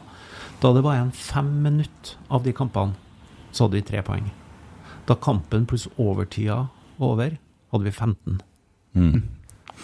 Eh, Og det var bl.a. borte mot Lyn, hvor vi avgjorde i siste minutt. Sånn at vi vant marginalt hele tida. Så ble det seriegull. Ett i rekka. Og Bodø-Glimt, se på hvor god Lyn var det året. Bare legg merke til det, og se hvor de er nå. Ja. det er kort vei. Vi har jo krise på femteplass. Men uh, i forhold til det spørsmålet om å få publikum til Lerkendal, men også få publikumshjertene til Rosenborg igjen, da, for å snakke litt mer svulstig og stort. Da. Du jobber jo med litt sånne ting i kommunen, litt kultur og litt forskjellig.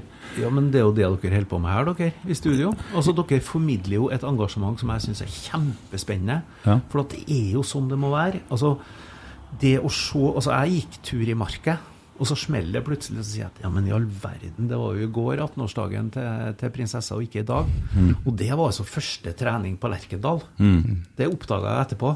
Jeg visste jo at det var Jeg hadde jo registrert 'kom til Lerkendal klokka to', men at det var fyrverkeri og bluss og tilskuere rundt. altså som spiller da, så blir du kjempeinspirert. Og den måten dere gjør det på da, med å stille opp og, og omfavne og støtte og Tenk deg å få være på januartrening hvor du opplever at du klapper og takker supporterne ikke sant, utpå der. Det er jo eventyr. Så det er jo det som skal til. Det er engasjement. Altså den likegyldigheten som har prega mange sitt forhold til Rosenborg, den må vekk.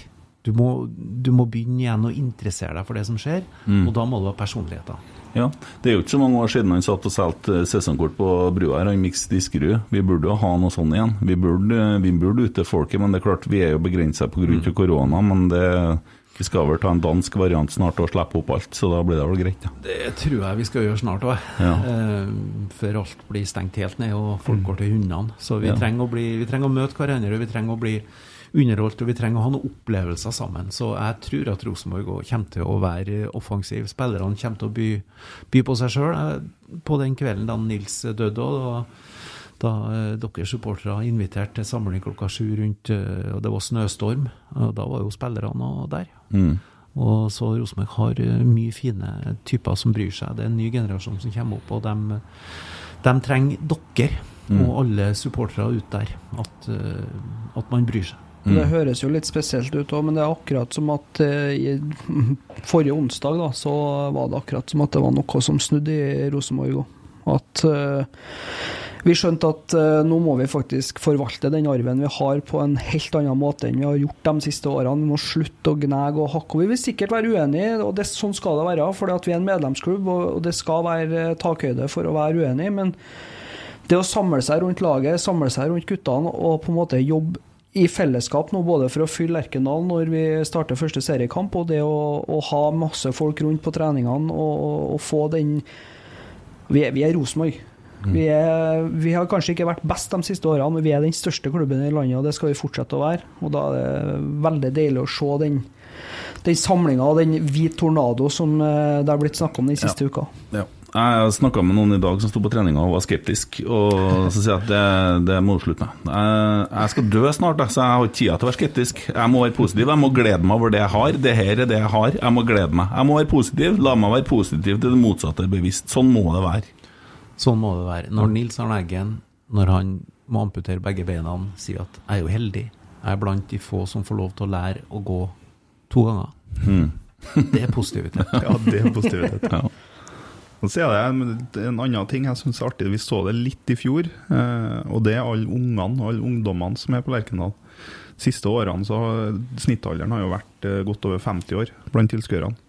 Men det er litt det du snakka om i stad, Kent, med en Skarsheim og en Tagseth og guttene og Noah Holm, sant? som de eh, får inn en helt ny generasjon i miljøet, i supportmiljøet og på Lerkendal. Og vi hadde jo med oss ungene våre på trening på lørdagen.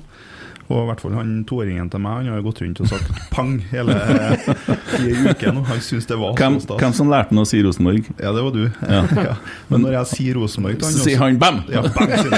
Han tror det er fyrverkeri. Ja, det, og det er jo greit hvis han går rundt og tror at det er fyrverkeri. Det er jo et fyrverkeri! Ja, det er det. Det er det. Så det er gledelig å se. Ja. Uh,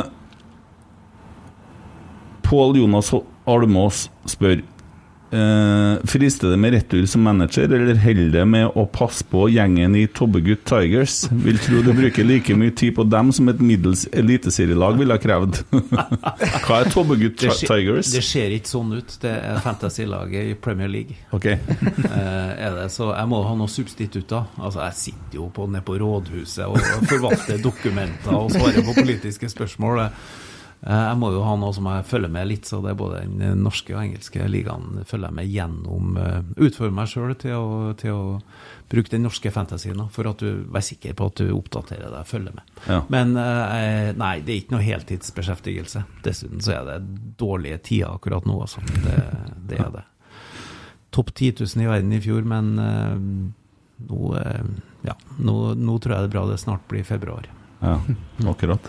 Uh, og da, du, da må du kan spillere. Jeg, sånn, jeg driver ikke så mye med sånne fantasy-ting. Uh, men uh, da, da skal du vite litt hva du holder på med sant, for å lykkes med det der. Og da skal du skaffe deg spillere og sånne ting. Ja, det er, jo, det er jo en sånn skyggeordning, det Fantasy-ligaen. Altså, du setter sammen spillere fra klubber i England i tilfelle her. Du kan Mm. gjøre det i Norge òg. Og så får du poeng etter hvordan de presterer i kampene sine. Mm. Offensive spillere med målpoeng, og defensive med å holde nullen. Og så bonuspoeng. Og da skal du sette opp et lag med to forsvarsspillere og nå et norsk lag. Hvem to Hvilke to forsvarsspillere henter du til det norske laget, da? Eh, Skal jeg hente fra Rosenborg, så må det bli sidebacka. Nei, men jeg tenkte omvendt. Jeg tenkte du skal hente til Rosenborg, og jeg skulle vite hvem du hadde som forskjellighet for som forsvarsspillere og midtstoppere. Jeg må starte med van Dijk, da, tror jeg. Ja. Han tror ikke jeg vi får tak i til Sammen med Diaz. Ja. Det tror jeg ville vært eh, greit. Hvis du hadde, hvis du hadde sittet i stolen til Mikke Dorsin, Mm. har du noen tanker om hvem Nei, jeg har ikke det, fordi at jeg hadde det livet har faser. Og jeg hadde, når jeg jobba med landslaget, blant annet, og når jeg jobba i Rosenborg, så hadde jeg stålkontroll Mm. på eh, oversikt og navn. Og det har ikke jeg. Mm. Eh, dere har jo bra oversikt, dere. Eh, og så er det bare spørsmål hva som er tilgjengelig. Og nå er det jo mye mer skifter imellom ligaene. Folk drar eh, raskere eh, over og imellom. med Mye større fleksibilitet, mye mer handling. Veldig populært å dra til Tyrkia, da. Ja. Ifra Norge, i hvert fall. Jo, det, men det er jo litt med spenninger, og det er litt med økonomi og sikre familie sånn, og det er en ting med at det er en arena hvor du kan ut og oppleve noen ting òg. Mm. Så eh, jeg skjønner det, men for å bygge en klubb så gjør det svært mye vanskeligere, i hvert fall hvis du tenker å bygge relasjoner i et lag over tid. Men til det med forsvarsspillere, så er det ikke noe tvil om at man trenger å få inn noen stoppere. Man har Ja. fått én nå. Ja, men han skal spille midtbane. Det er jo sagt. Ja, OK, vi får nå se. Ja, og Kjetil har sagt det, og han sa det sjøl. Mm. og da må jo Rambo 2 ned på midtstopper. Jeg kan ikke skjønne Ja, annet. men det kan godt hende at han bekler den plassen bra, hvis han får holdt seg skadefri. Ja. Markus. Altså, det har noe med at når du er skadefri, så blir du skada over tid, så mister du litt av spruten i steget og farten din. Så Sånn Mm. du må få lov til å være skadefri over tid for å ha den maks, maksfarten. Jeg mener å se at han spilte stopper i dag òg. Han var i midten, og så var han Erlend Ritan til høyre for han, og Mikkel Seid til venstre for han. Ja. Sånn spilte de hele treninga, både på stor og liten bane. Mm. Og samme gjorde han på lørdagen, da spilte han stopper. stopper. Men den Børke er jo altså Det er jo ikke noe tvil om at han er soleklart best eh, i sekserrollen. Det var jo der han slo gjennom i Stabæk. Og, og eh, han er en spillertype som eh, vil passe det systemet helt perfekt. Det lukter litt Ole Selnes-kloning. Det gjør det. Ja. Vi, vi sa det på treninga i dag, når vi så han, at han ligner litt på han i kroppen òg. Har litt den der hengslete, slepne stilen. Og han sa vel sjøl at han liker å ha ballen mye.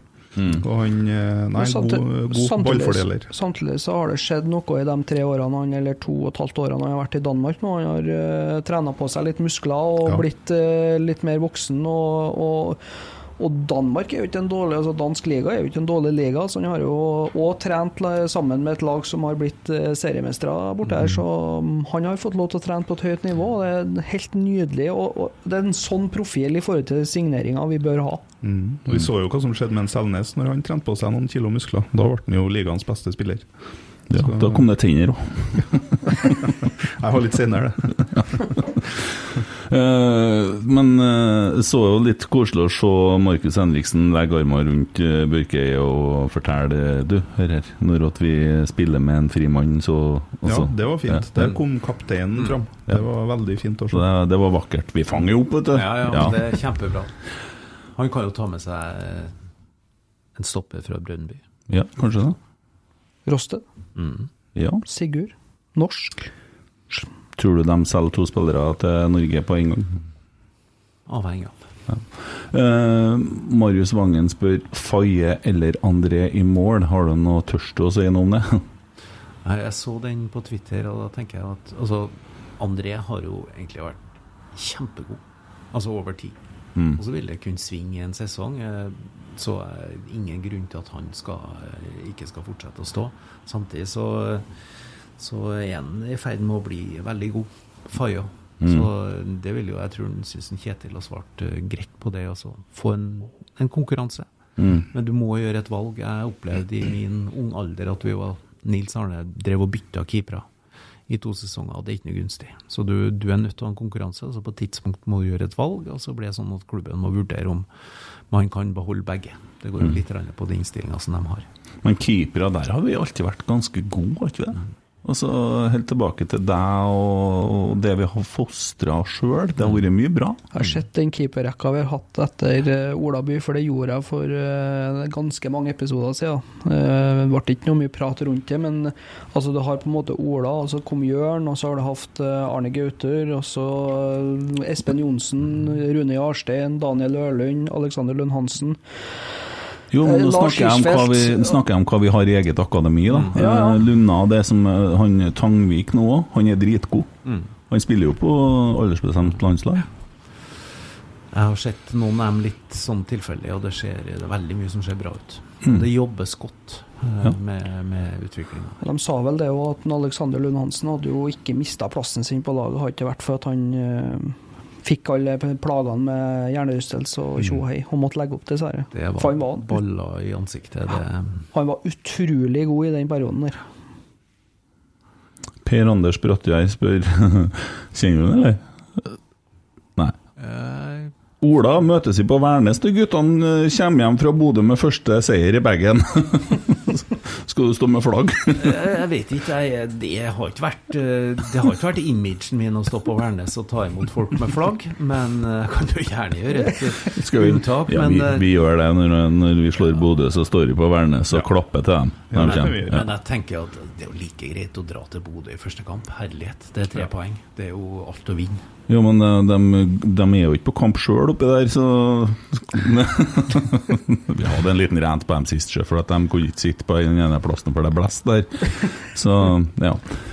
Det var bare Jeg skal ikke være så slem, eh, men litt slem med, med Bodø kan jo være. Aleksander Alexander Yngleplass, hvorfor slutta du som trener? Det var et godt spørsmål. Um, men det var Jeg hadde lyst til å bruke andre sider av meg sjøl når jeg fikk et, en forespørsel om den jobben som jeg har nå. Mm. Eh, For det er ikke sånne jobber som kommer rekende på ei fjøl. Eh, Og, eh, og så er det litt sånn, sånn familiehensyn òg, for du kan jo dra rundt hele livet som en sånn fotballtrener-rallar, ikke sant. Og sitte på en hybel og jobbe 24-7 med en klubb, og så håpe at du skal til neste klubb igjen. Sånn at det er jo også noe med mulighetene. Så jeg har lyst til å Jeg har brukt mye tid på å reise bort fra familien når jeg var spiller. Uh, eldste dattera mi Jeg regna ut Det var mye med landslaget, da. Uh, da hun var fem år, så hadde jeg vært på reise med landslaget bare i ett av de fem årene. Sånn at det har vært perioder hvor det har vært mye bort. Og uh, det er klart at hvis Rosenborg kommer og sier at vi vil at du skal Ja, da Men det å drive og bygge opp, bygge seg opp i et felt hvor du føler at du egentlig ikke trenger å vise noe mer. Altså Jeg har prøvd det, jobba med landslag, jobba med Rosenborg og vunnet serien. Vi har vært i Ranheim, og, og det fungerte veldig ålreit. Så dukker det opp en annen mulighet, hvor du kan bruke andre sider av deg sjøl, hvor du blir utfordra, og hvor du virkelig må jobbe på tærne over tid. Så tenker jeg at den utfordringa kommer jeg til å angre hvis jeg ikke tar.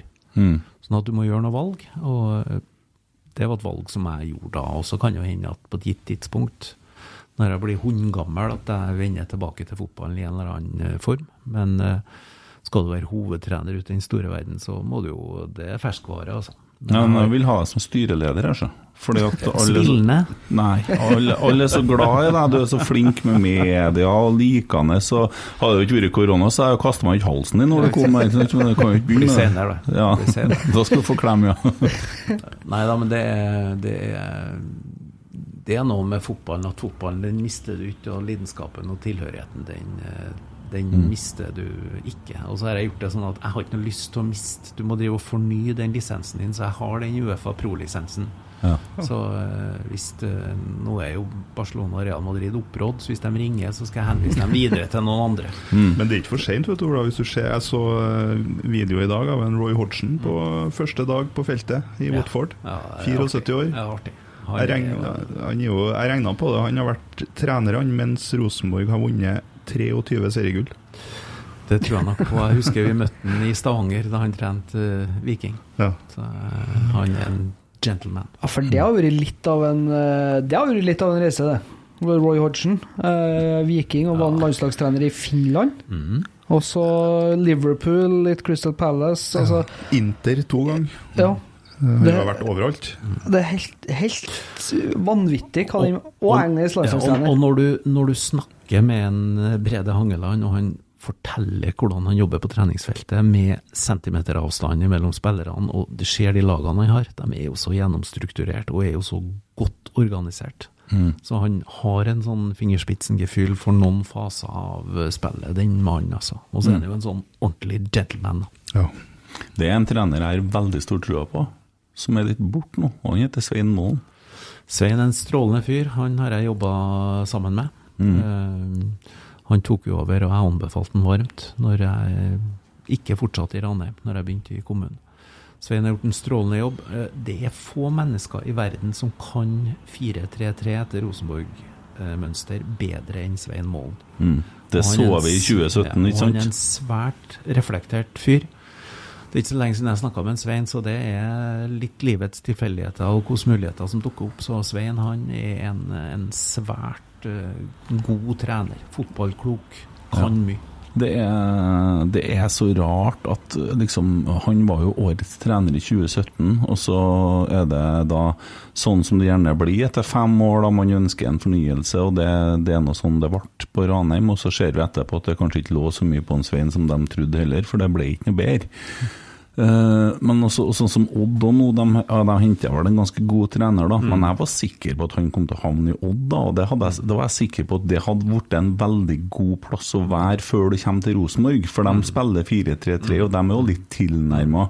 Jeg mener jeg har sett dem spille Rosenborg-fotball, da.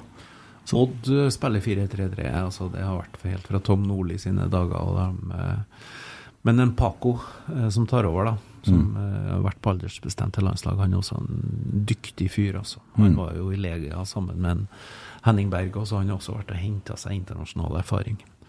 Så de vet sikkert hva de gjør i, i eh, Skien. Ja, og så er de litt tilbake til der de var med, med Fagermo. For han går ut og sier at hvis du vil bli en bedre fotballspiller, kom til Odd. Hvis du vil utvikle deg. Og de har da tydeligvis stak, staka ut en kurs for eh, å eh, bygge unge spillere igjen. Men Svein er en svært god trener, og han har jeg stor tro på. Ja, og en flott fyr. jeg, jeg, sånn som jeg har eh, Når jeg har møtt han og snakka med han, og sånn som jeg har sett han når han er litt tullete, sånn, så har vi òg en liten sånn Nils Arne-gen i han. Altså. Det er ikke noe tvil om. Og han er krystallklar på måten å spille på. Han har utvikla stor, eh, stor tru på den 4-3-3-måten etter Rosenborg-metodikken å spille på. Og samtidig så tror jeg også det er viktig i forhold til en eh, altså, for, for en Svein òg, det er at han ikke hopper på det første og det beste. At han ikke begynner å samle på klubber, men at han, som du sier, venter på det rette, rette tidspunktet i forhold til, til, til den riktige klubben. Så at han får være med å utvikle, sånn som han gjorde med Ranheim, bare at han kanskje får hakket mer ressurser neste gang. Og, ja. Litt karrierebygging, det er litt tilfeldigheter og litt plan. Mm. Men så må vi ta en ting før vi glemmer det. For han Ola kom jo ikke tomhendt inn i studio her i dag. Det er jo en svær esk. Ja, Vi trodde jo det var kaffebrød først, men mm. det viste seg at eh, det var ikke det. Hva er det du har, mor, da? Du, jeg har faktisk med en kasse av den boka som jeg skrev en gang i tida, som heter 'Ballens bane'. Og det er ikke for at jeg skal prøve å selge noen bøker, men jeg tenkte at eh, dere har et fantastisk eh, podkastprogram, og det er jo mye folk som skriver inn, eh, stiller spørsmål, og som er aktive inn. Og så tenkte jeg at ja, men kan ikke de få seg ei bok, da? Mm. Det kan de. For der er det mye Rosenborg-historikk, i hvert fall sånn som jeg har prøvd å, å tatt det ned. Og istedenfor at det skal stå råtten på et lager eh, i nærheten av meg, så kan jo like gjerne Ja. folk få, hvis de har lyst. Jeg har lest henne to ganger. Du har det? Ja, Ja. Og den eh, er veldig bra, kan jeg si. Mm. Herlig. Kanskje vi skal stjele oss i sjøl òg, så Ja, det syns det jeg. er mange bøker. Dere er inn i kvoten. Ja, vi er i kvoten. Ja, vi har stilt mange spørsmål, vi òg. Vi må finne ut litt hvordan vi skal gjøre det, da, men uh... Ja. Det kan jo hende at det er noen som får seg ei bok. ja. Du har jo begynt å kjøre quiz på, på Snapchat, da, så du kan jo ta en dagens quiz, og vinneren er i bok, da. Det var ikke dummen. Ja.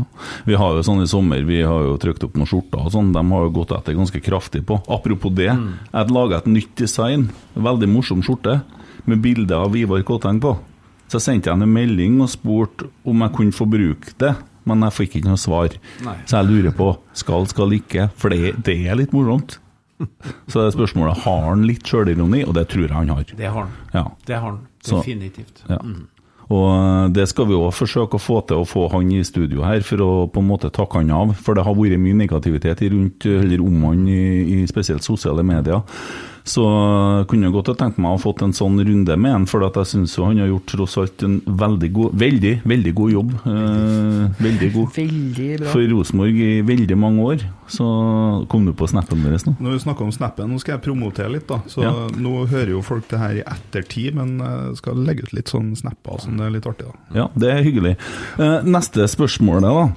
Det er fra Aksel Barø Aasen. Kan vi få en Kent Aune-cover av Ola sin sang, eller hete Eller utdrag? Og da tenkte jeg i dag dæven, den sangen er det lenge siden jeg har hørt. Men så hørte jeg på den. Ja. Så det er egentlig ikke en sang jeg har hørt Det er en sang jeg har hørt i hvert fall versene veldig mye, for det er jo de versene som Dag Ingebrigtsen brukte til Champions League-sangen. Ja, Nå skal du høre historien bak det. Ja. For han, eh, Da kom en, eh, kom en eh, Jeg husker ikke om det var en dag eller om det hvem hvem som kom, men jeg liksom lurte på om For de hadde laga sang til meg, da. Og det er jo helt eventyr. For jeg var ydmyk og flau og takknemlig og alt sånn. Eh, men så kommer han at du, vi er på lag sånn Champions League. Er det, er det greit om vi bruker versene fra sangen din? Ja, ja. så, jeg. Det er jo dere som eier det her, så det er jo ikke noe Ja. så, men det ble kanskje mer en Champions League-sang enn en Ola-sang etter hvert. Men det er opprinnelig en Ola-sang. Ja. Du har fått en egen sang fra Dag Ingebrigtsen. Du, det er helt eh, Dag og Torstein, da var det Jeg var vel med opp da de skulle spille inn eh, Spillerne har vært med og sunget eh, backing, vet du, så det var så tenkte jeg at det Jøss. det er fint og litt vemodig. Ja.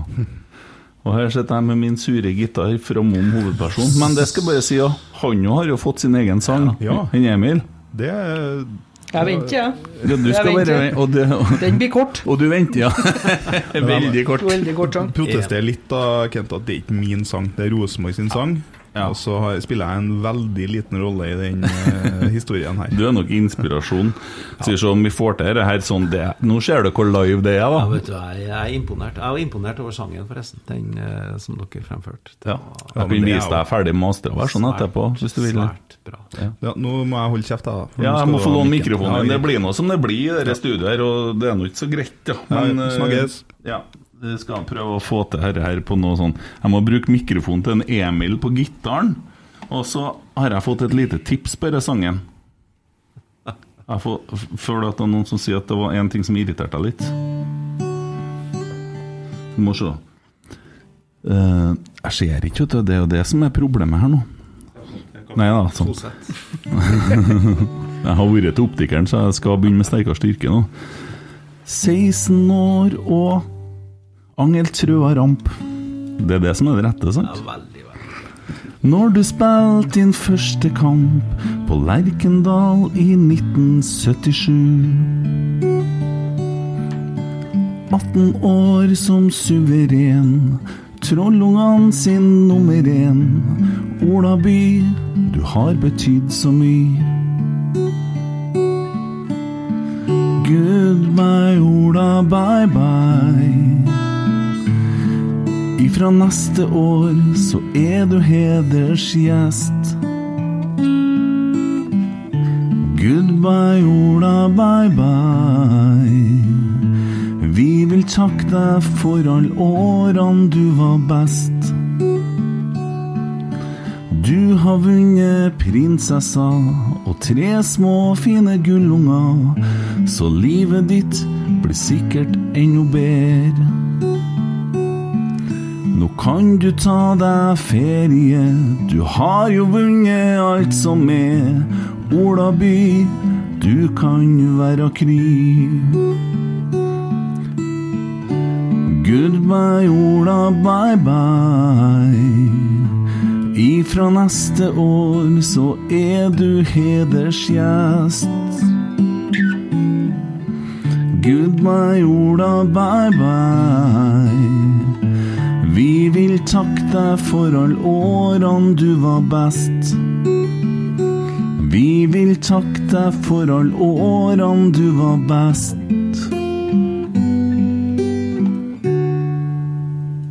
Yes. Da kan du få igjen mikrofonen, Emil. Det er tidenes svar på utfordring, altså. Ja, vi må jo ta dem. Du er, du er flink, Kent. Takk. Uh, jeg må innrømme jeg var litt shaky nå, for det her hadde ikke jeg helt klart. Men Ikke teksten eller noe. Men det er, du fortjener det jo. Herregud, for en innsats du har gjort for uh, jeg har vært heldig. Jeg har vært heldig å få lov til å vært med på det. Ja. Det har vært en utrolig reise. Husk på når jeg begynte som 16-åring, så rykka klubben ned og nesten i oppløsning. Ja. Snakker jo om at femteplass er verdens undergang. ja, det har jo blitt sånn nå. Vi er bra bortskjemt, se. Ja, det. Så det er artig å få lov til å være med. Ja. Kan jeg ta med en fra Alexander? Hva er ditt beste minne fra Nils Arne? Det var et lite spørsmål. Eh, Det er nesten sånn at det er alle de gode pratene med Nils. eh, For at Nils hadde jo to ansikter. Eh, Altså Nils var både den pedagogen, læreren som involverte spillerne, som satt på spillemøter og flytta krus og lot oss ta eierskap når vi var spiller. Og andre var jo han som piska intensitet ut på treningsfeltet. Så han hadde jo på en måte to, litt de to ansiktene. Og jeg, det alle de samtalene om eh, Vi hadde felles interesser på historie, litteratur, eh, språk. Så, så de gode samtalene over en kaffekopp, de merkelige små stille stundene som gjerne bare vi hadde. Til 50-årsdagen hans så hadde jeg laga 50 spørsmål, en quiz til han, om fakta og historie og litteratur. og på den kvelden da, før vi skulle spille europacupkamp, så satt bare jeg og han. Så jeg satt og stilte han spørsmål. Ja. Så det, det er jo de små øyeblikkene, og da er det selvfølgelig noen store triumfer og Dortmund borte og sånn. ja. Hvor, for vennskapet deres, det varte helt livet ut for Nils Arne. Ja, og det var jo jeg som var privilegert der, som fikk lov til å være så nær han. Men jeg tror at han Vi var nok litt åndsbrødre, på en måte. Vi er filologer opptatt av det samme. Eh, kunne diskutere alt fra fotball til samfunn til, til Ibsen og Bjørnson og, og eh, den store nordiske krig. Eh, og hva ugler i mosen egentlig kommer av uttrykket. Sånn at på den måten så hadde vi så mange samtalepunkter. Så det Ja, det, det er fryktelig rart at den er borte. Jeg har kjent på en sånn forsinka sorgfølelse. Ja. Når, når var siste gangen du møtte den? Siste gangen jeg møtte han fysisk Jeg snakka med han på telefon en del ganger, men han ville ikke ha besøk av folk fra byen, for at det var så mye smitte i byen. Så det tålte han ikke, så det holdt med telefon. Men det var kanskje det siste. Nei, nei jeg traff han etter det. Men eh, det sitter veldig godt igjen, de opptakene som vi gjorde. Altså Hvor man prøver å få ham til å fortelle. Legge til rette for en best mulig fortelling om de store øyeblikkene, og hvordan han tenkte, og vi tenkte, og hva som er viktig å formidle videre. Skjønte du etter hvert at det her var siste gangen du har sett Nei, den? på en måte? nei ikke, men jeg har vært bekymra over tid. Ja. Tidligere, og vi skulle jo gjøre en del ting sammen. Vi skulle ha noe samtale under Vårsøgfestival, og vi skulle i kirke og snakke sammen. Og, så jeg fikk noen henvendelser rundt det. Og, og hver gang så ble det avlyst i siste liten fordi at helsa svikta. Så, mm. så, men han var sterk optimistisk til det, til det siste. Så jeg har jo snakka med, med både dattera og sønnen så etterpå, så det Jeg tror at uh, Nils Arne han gikk uh, rolig og ja. Det var fredfullt, skjønte jeg. ut Ja. av uh, det her livet. Mm. Og for en arv han har lagt igjen. Ja. Den er svær. Den er vanvittig, og hva han har lært alle oss som har fått lov til å være nær og alle som har opplevd å være nær uten å være det. Så det er mye menneskekunnskap, og det er mye Og den delingskulturen, altså den eh, godfotteorien hans, det går jo egentlig på at du skal se hverandre sine styrker og spille på dem. For å få et best mulig resultat for fellesskapet. Det er jo liksom det veldig enkle. da. Bry seg om hverandre og se hverandre og dele. Det, og den godfotteorien den favner så bredt. Mm. Jeg jobber jo i St. Olavs, sant? det er jo noe helt annet enn fotball, men vi snakker jo om godfotteorien vi òg på jobb. Om å spille hverandre god og bruke hverandre der vi er best. Så det, Nå tror dere mange ledere rundt om i forskjellige bedrifter hadde hatt godt til å, å saumfart den eh, fra perm til perm et par ganger, og faktisk lært hvordan man kan være en god leder. Fordi at til og med Nils Arne måtte jo på en måte lære å bli en god leder. Fordi at han var jo veldig sjef frem til kalde spilleropprøret. 93. Ja, og etter det så ble han lederen med stor L i stedet. Og Det er riktig, det. Og det er jo, du spurte om sånn minner om Eggen. Da vi gikk opp til 3-0 i Dortmund og visste at vi kom til å vinne kampen, og så snur jeg meg til Nils på benken og sier Nils, det er boklansering, det, sier jeg. Så kikka han meg. Hæ? Og så tok han etter hvert hva jeg mente, for at dagen etterpå var det planlagt at Godfoten skulle lanseres i brakka på Lerkendal. Og det var jo ikke en, journalist ved sitt fulle fem som ikke var på brakka den dagen etterpå, når du kom hjem fra 3-0 borte mot Dortmund. Nei, sant. Så eh, det var jo også en helt sånn eventyrlig opplevelse. Det var jo som eh, verdens største forfatter lanserte sin, sin neste bok. Det var eh, happening. Ja. Jeg, jeg har en eh, tanke òg i forhold til det Godfoten.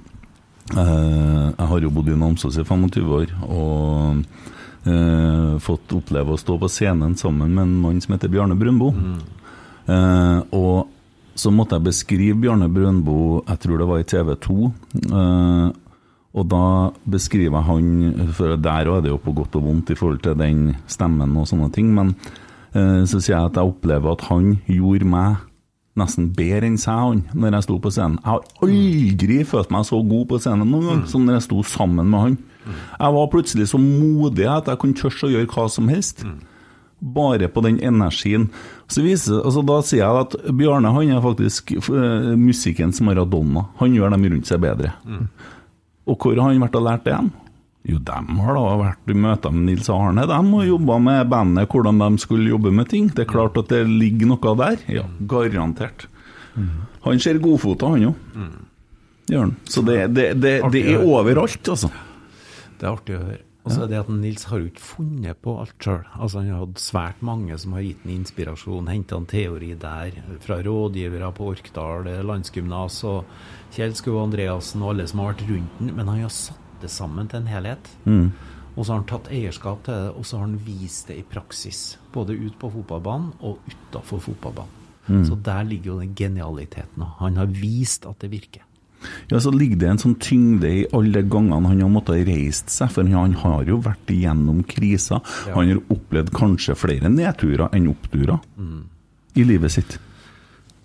I hvert fall sånn over tid, og ikke minst på sånn personlig plan. Så det, det, du har ingen garantier. Han har vært fenomenalt å håndtere det. Helt utrolig. Uh, har du lyst til å bli styreleder i RBK noen gang? Hvem vet om den lange framtida? Nei, vet du, at akkurat nå, det kan godt hende at jeg i et gitt tidspunkt kan eh, være med å sitte i et eh, styre i Rosenborg, men jeg tror at en styreleder i Rosenborg nå, i hvert fall i overskuelig framtid, må være en som har det som hovedhatten sin. Og det har jeg sett som signal fra andre eh, som har vært nevnt òg, at har du en jobb som er litt profilert, og hvor du er ja, hvor du bør ha den hatten, så er det vanskelig å kombinere med det å være styreleder i, i Rosenborg. Ja, for, også, og når du ser sånn som Gjersvold, takker nei fordi at belastninga er for stor. Uh, Ivar sier at han trekker seg hvis det kan samle klubben mer. Det, det er ganske Det, altså det koster jo litt å stå i den eh, der, og da må du stå med hele deg. Ja. Så, eh, men det er klart at et, et optimalt fungerende styre, det er jo et team. Hvor du ikke trenger én som, som står der for alle sammen. Da kan du jobbe litt på skift. Og så er det jo sportsdirektør og trener og spillere som på en måte skal fronte det her utad. Er det, så det er det aller viktigste.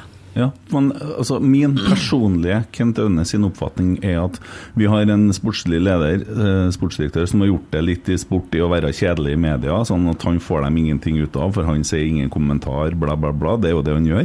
Og så har du litt rockestjerne som styreleder, som media liker å snakke med. Jeg sier ikke at han sier mye galt, men de klarer alltid å finne et eller annet hver forbanna gang. Han er en veldig god trener, sant? og så har de det, og så ruller det der. Og så er Det sånn at det er jo ikke så ofte at en styreleder blir intervjua på den måten der i andre klubber. Jeg ser jo supportere reagere på det. Det der med pressehåndtering og sånne ting, det burde jo søren meg bli et tema snart. Også sånn at vi unngår noe av det kaoset som har vært, for det har skapt kaos. Og, og så går folk og sier han Ivar har gjort Men det er jo ikke hans beslutning, det er jo styret i felles beslutning. Han må jo representere styret sin beslutning uansett om han er uenig i den tida. Hvis det var et flertall i styret. Jeg lytter til refleksjonen. Ja, men jeg ser du er enig med meg. jo, men det, er, det dere der, dere der må vi jo ta på alvor, for det jo handler om å samle folket. Hvordan vi fremstår. For det handler om omdømme, og vi må jo nødt til å begynne å gjøre noe for å få bygd opp omdømmet vårt. For siden rettssakene så har vi jo hatt eh, Det har gått litt galt vei, da. Nei, men i gode perioder så det er enkelt å finne en eh, helt, og i dårlige perioder, det er enkelt å finne en skurk. I god periode, den siste gode perioden, så var han eh, Kåre Ingebrigtsen vår helt. Eh, og så ble jo han sparka, og Ivar var på en måte han som fronta det, og det var det mange som var uenig i. Og i ettertid da, og har det òg skorta litt på resultatene til Rosenborg, og da er det veldig enkelt å henge Ivar opp som skurken. Og det, sånn er det. Hadde vi gjort det bra i den perioden, her, så er det ikke sikkert at det er så veldig mange som har prata med Hvis han bare har svart ingen kommentarer, så har det aldri vært noe tema. Nei, men samtidig, hvis eh, det hadde gått bra nå, uansett om han har svara det samme som han har gjort nå, hadde vi gjort det bra i den perioden, så er det ingen som har hengt seg opp i Ivar Koteng. Sånn er det. Men det er viktig å kommunisere godt med, med media, i Mm. media, eh, og ikke være redd media. Det, nå har jeg tilfeldigvis jobba i media, så du blir jo litt mindre redd da, men det, det handler om at du, klubben må som helhet klare å by på seg sjøl, og klare å presentere de profilene du har. Ikke bygge opp noe som er falskt, men å presentere dem for det det, det er. Altså, da har du en uh, syngende ving. Altså, det er jo hallo. Altså, det, det er mange som kan eh, få lov til å profilere seg, men de må finne, det må være en balanse, sånn at det er klubben og klubben sine prestasjoner som blir hovedgreia. Men vi liker jo folk som har litt farge og personlighet. Og så skal de være forskjellige. Og ikke helt lik mine og jeg heller, eksempelvis. eller, Nei. eller Sverre Brandhaug og Karl Petter Løken var heller ikke helt lik. ikke sant? Nei. Hvis, det, hvis du går riktig langt tilbake i tid, før krigen. Mm. Hvorfor heter du Glad i mosen? Du, det er faktisk eh, ulver i skogen. Det er et gammelt dansk uttrykk. Så altså, da er det noe, som, noe skummelt, noe truende, som ligger, ligger bak. Ja. Mens svin på skogen, det er altså Da har du gjemt unna noe for eh, tellinga. Mm. Så det er mye artig eh, Du har gjemt svin på skogen, altså, som Mm. ikke, ikke kemneren får tak i. Jeg elsker sånne ordtak. Du vet, jeg har jo en, det, det, den ene sangen min som heter 'Eneste ene', den er ganske mye, så der synger jeg at jeg står i glasshus og kaster stein. For jeg mener at det er, for, det er dem som kan kaste stein. For det er kun dem som sitter i glasshus som vet hva de snakker om. så det er dem som kan uttale seg, skjønner du? Du forstår, du vet hvordan det er. Ja, jo, ser det, men uh, ulver i skogen, da. Ja. Da har det skjedd noe på veien mot ugler i mosen. ja, men det er det som har skjedd. Men mosen, altså det, det er fra dansk, egentlig. Ja. Sånn at det er bare hva som er opphavet, og så skjer det noen ting i språk Ja. hele tida. For hvis, hvis jeg har gått med på ei ugle i mosen, så har ikke jeg blitt redd. Altså. Nei. Tror ikke jeg. Jo, det tror jeg, for de skal egentlig sette opp i betyr-. Ja, det er jo muffins. det, det, er en- det er en del språk. Det er sånn som en, en av Nils Arne sine altså yndlingsuttrykk. Det er å spørre hva hundså egentlig kom av Mm. navnet. Og da tror jeg at det har noe med hund å gjøre, men så går det det hunt. Så det er egentlig engelsk. Så altså, det, det å være nysgjerrig på hva ting egentlig kommer av, Mm. og nysgjerrighet, det tror jeg er en av Nils Arne sine store styrker. Han var alltid nysgjerrig på ting, nysgjerrig på folk. Og så gjorde han det fort til sitt eget, og så ble det en del av miksen. Den fantastiske trylledrikken. Mm. Og det er håp i en hengende snork. Jeg satt der ved siden av en, så jeg var sufflør på pressekonferansene. Hvordan var det egentlig når han brøyte, så det måtte nå skjemmes noen gang? Du, jeg har et bilde på kontoret mitt hvor Nils Arne i full latter lener seg over meg, som er alt rundt av staffasje av Champions League og eh, foran mikrofonene. da. Altså han liksom, han flirer, så han, han lener seg opp i fanget mitt. Eh, og det var da han kom med en uttalelse, for det var sagt om at hva Nils Arne synes om men Det var tatt ut en norsk landslagstropp uten keepere, altså av noen praktiske grunner. Så kikker han på meg og sier han, ja, det er vel ikke første gangen at uh, Norge har en landslagstropp uten keepere, sier han, og så flirer han seg omtrentlig i hjel på den pressekonferansen. For da tenkte han på at jeg hadde vært i mange landslagstropper, så det syns han var kjempeartig der. Da. Så jeg har et fint sånn bilde av akkurat det der. Så den humoristiske sansen og det å se de, eh, det er kjempeviktig. Ufarliggjør det som er farlig. Mm. Det ble jo nesten mer severdig enn kampene i pressekonferansene med mm. Nils. Det var Men det er jo bare å, bare å se på den tida der, da, hvor usedvanlig mye både norsk og utenlandsk presse som faktisk møtte opp på en vanlig Orkdaling sin pressekonferanse, Rosenborg sine pressekonferanser. Du så folk på Lerkendal. Altså det, det koka jo journalister. Men det var fordi at Nils Arne leverte hver gang. Tommy, hvem var det som var styreleder den gangen? Knut Skoglund var en av dem. Å, Knut Skoglund var poenget styreleder frem til 2000, og øh, han døde i 2004. Ja. I det året som jeg var hovedtrener. Det var en svært trist bortgang. Mm. Han var en veldig godt likt styreleder. Fantastisk person og en utrolig flink styreleder. For jeg hadde ei gammeltante som jobba i Rosenborg på den tida. Åse. Knut bare når du Ja. Åse Risvik Her begynner en med det Haft ei tante som Eh, Åse har gjort Jeg skal fortelle deg at det er Åse som egentlig har skrevet ned eh, Godfoten. Å, Eh, fordi at Nils han, han kladda på papir, så Åse måtte skrive det på maskin. Mm. For det var levert inn til redaktør. Mm. Tommy, jeg syns du ble lenger. Tommy har ei tante som funker. Nå ble han ti meter lenger. Jo, men det syns jeg han kan bli òg. Ja, det er kult, Tommy. Ja, det er artig. For det, det tenkte jeg faktisk etter episoden at jeg skulle spørre litt om. Da. For det, Man kan ikke vente. nei, jeg gjør ikke faktisk. Jeg har faktisk en sang hjem som var skrevet til 50-årsdagen hennes, som vi fremførte på den markeringa på Lerkendal. Only mentioned. Mm. Det her var koselig. Det var det. Mm. Veldig koselig. Begynner jo å komme til enden, syns du? Eh, ja, vi gjør vel kanskje det. Vi har passert 1,40 nå. Ja, nå det bruker å tales til å bli bare idioti, så Kanskje vi skal gi oss snart, da. Ja, jeg tror det. Ja.